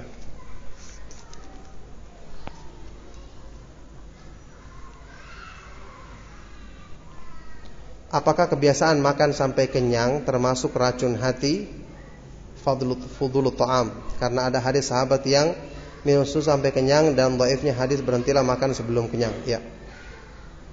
Hadis berhentilah makan sebelum kenyang lemah dan uh, jadi diterangkan oleh para ulama bahwa selama tidak berlebihan sampai menjadikan berlebihan segala sesuatu yang berlebihan itu dicela dalam agama ya. Semua itu diperintahkan kita untuk bersikap uh, i'tidal, khairul umuri awsatuha sebaik-baik perkara itu kata para ulama adalah yang di tengah-tengah. Jadi yang namanya kenyang selama tidak berlebihan, bahkan disebutkan dalam hadis sahabat, ada yang sampai kekenyangan, ini pun diperbolehkan selama tidak sering-sering, cuma sekali-sekali dan tidak sampai pada tahap melalaikan, maka ini sebagian dari para ulama membolehkannya agar tidak asal tidak apa ini sampai berlebihan dan tidak sampai e, melampaui batas. Mohon dijelaskan apa saja faktor-faktor yang menyebabkan seorang tidak banyak mendapat faedah dari ilmu yang dipelajarinya. Anda pernah punya pembahasan tentang masalah cara-cara mendapatkan ilmu yang bermanfaat. Juga ada tulisannya. Apa saja penyebab futur dan bagaimana cara mencegahnya? Penyebab futur ya termasuk godaan syaitan, kemudian jauh dari majelis ilmu, kemudian jauh dari membaca peringatan dari Allah Subhanahu wa taala dan dalam Al-Qur'an dan sunnah Nabi Shallallahu Alaihi Wasallam. Cara mencegahnya adalah menghindari hal-hal tersebut. Setiap manusia mesti akan ada mengalami masa-masa futur. Dalam hadis yang Hasan Rasulullah Shallallahu Alaihi Wasallam bersabda, Inna likulli amalin syarratan wa thumma fatrah. Masing-masing amal itu ada masa-masa semangatnya dan ada masa-masa futurnya. Jadi semua mengalaminya. Cuman ada orang yang ketika futur sebelum terlanjur dia segera menyadari Kemudian dia mencari obatnya. Di antara obatnya yang utama adalah menghadiri majelisnya, majelis ilmu atau meminta nasihat dari orang yang bisa memberikan nasihat kepada kita. Maka menghadiri majelis ilmu minimal kita akan melihat orang semangat akan terbangkit semangat kita. Saya pernah sebutkan dalam pengajian tentang bagaimana Ibnu Qayyim mensifati peran dari guru beliau Ibnu Taimiyah ketika menghilangkan atau membantu dengan taufik dari Allah Subhanahu wa taala menghilangkan futur di yang dirasakan oleh murid-muridnya. Kata Ibnu Qayyim rahimahullah taala, "Wa kunna idza dhaqat binal ardu wa sa'at minna dhununu atainahu fama huwa illa an narahu wa nasma'a kalamahu fayadhhabu dhalika kulluh wa yanqalibu insyirahan wa quwwatan wa tuma'ninatan wa yakinan." Kami dulunya murid-muridnya Ibnu Taimiyah rahimahullah rahimahumullah taala. Kalau kami merasakan dunia ini sempit, timbul prasangka-prasangka buruk, ya ini merasakan tekanan dakwah yang begitu kuat sehingga menjadikan mereka kadang-kadang malas, muncul prasangka-prasangka buruk, futur dan seterusnya. Apa yang kami lakukan? Kami akan datang kepada guru kami. Maka ketika kami melihat wajah beliau dan mendengarkan nasihatnya, ucapannya, serta merta semua yang kami rasakan hilang, berganti dengan kekuatan, keyakinan kembali, semangat kembali, kemudian apa ini usaha kembali untuk menegakkan dan mendakwakan agama Allah Subhanahu wa taala. Apa penyebab hati menjadi sakit mati? Bagaimana mencegahnya? Ya, hati sudah saya terangkan tadi menjadi mati karena jauh dari petunjuk Allah Subhanahu wa taala, tidak memahami dan mengamalkan ilmu dengan baik. Cara mencegahnya adalah dengan berupaya untuk uh, mengisi hati dengan petunjuk dari Allah Subhanahu wa taala dan Rasulnya sallallahu alaihi wasallam.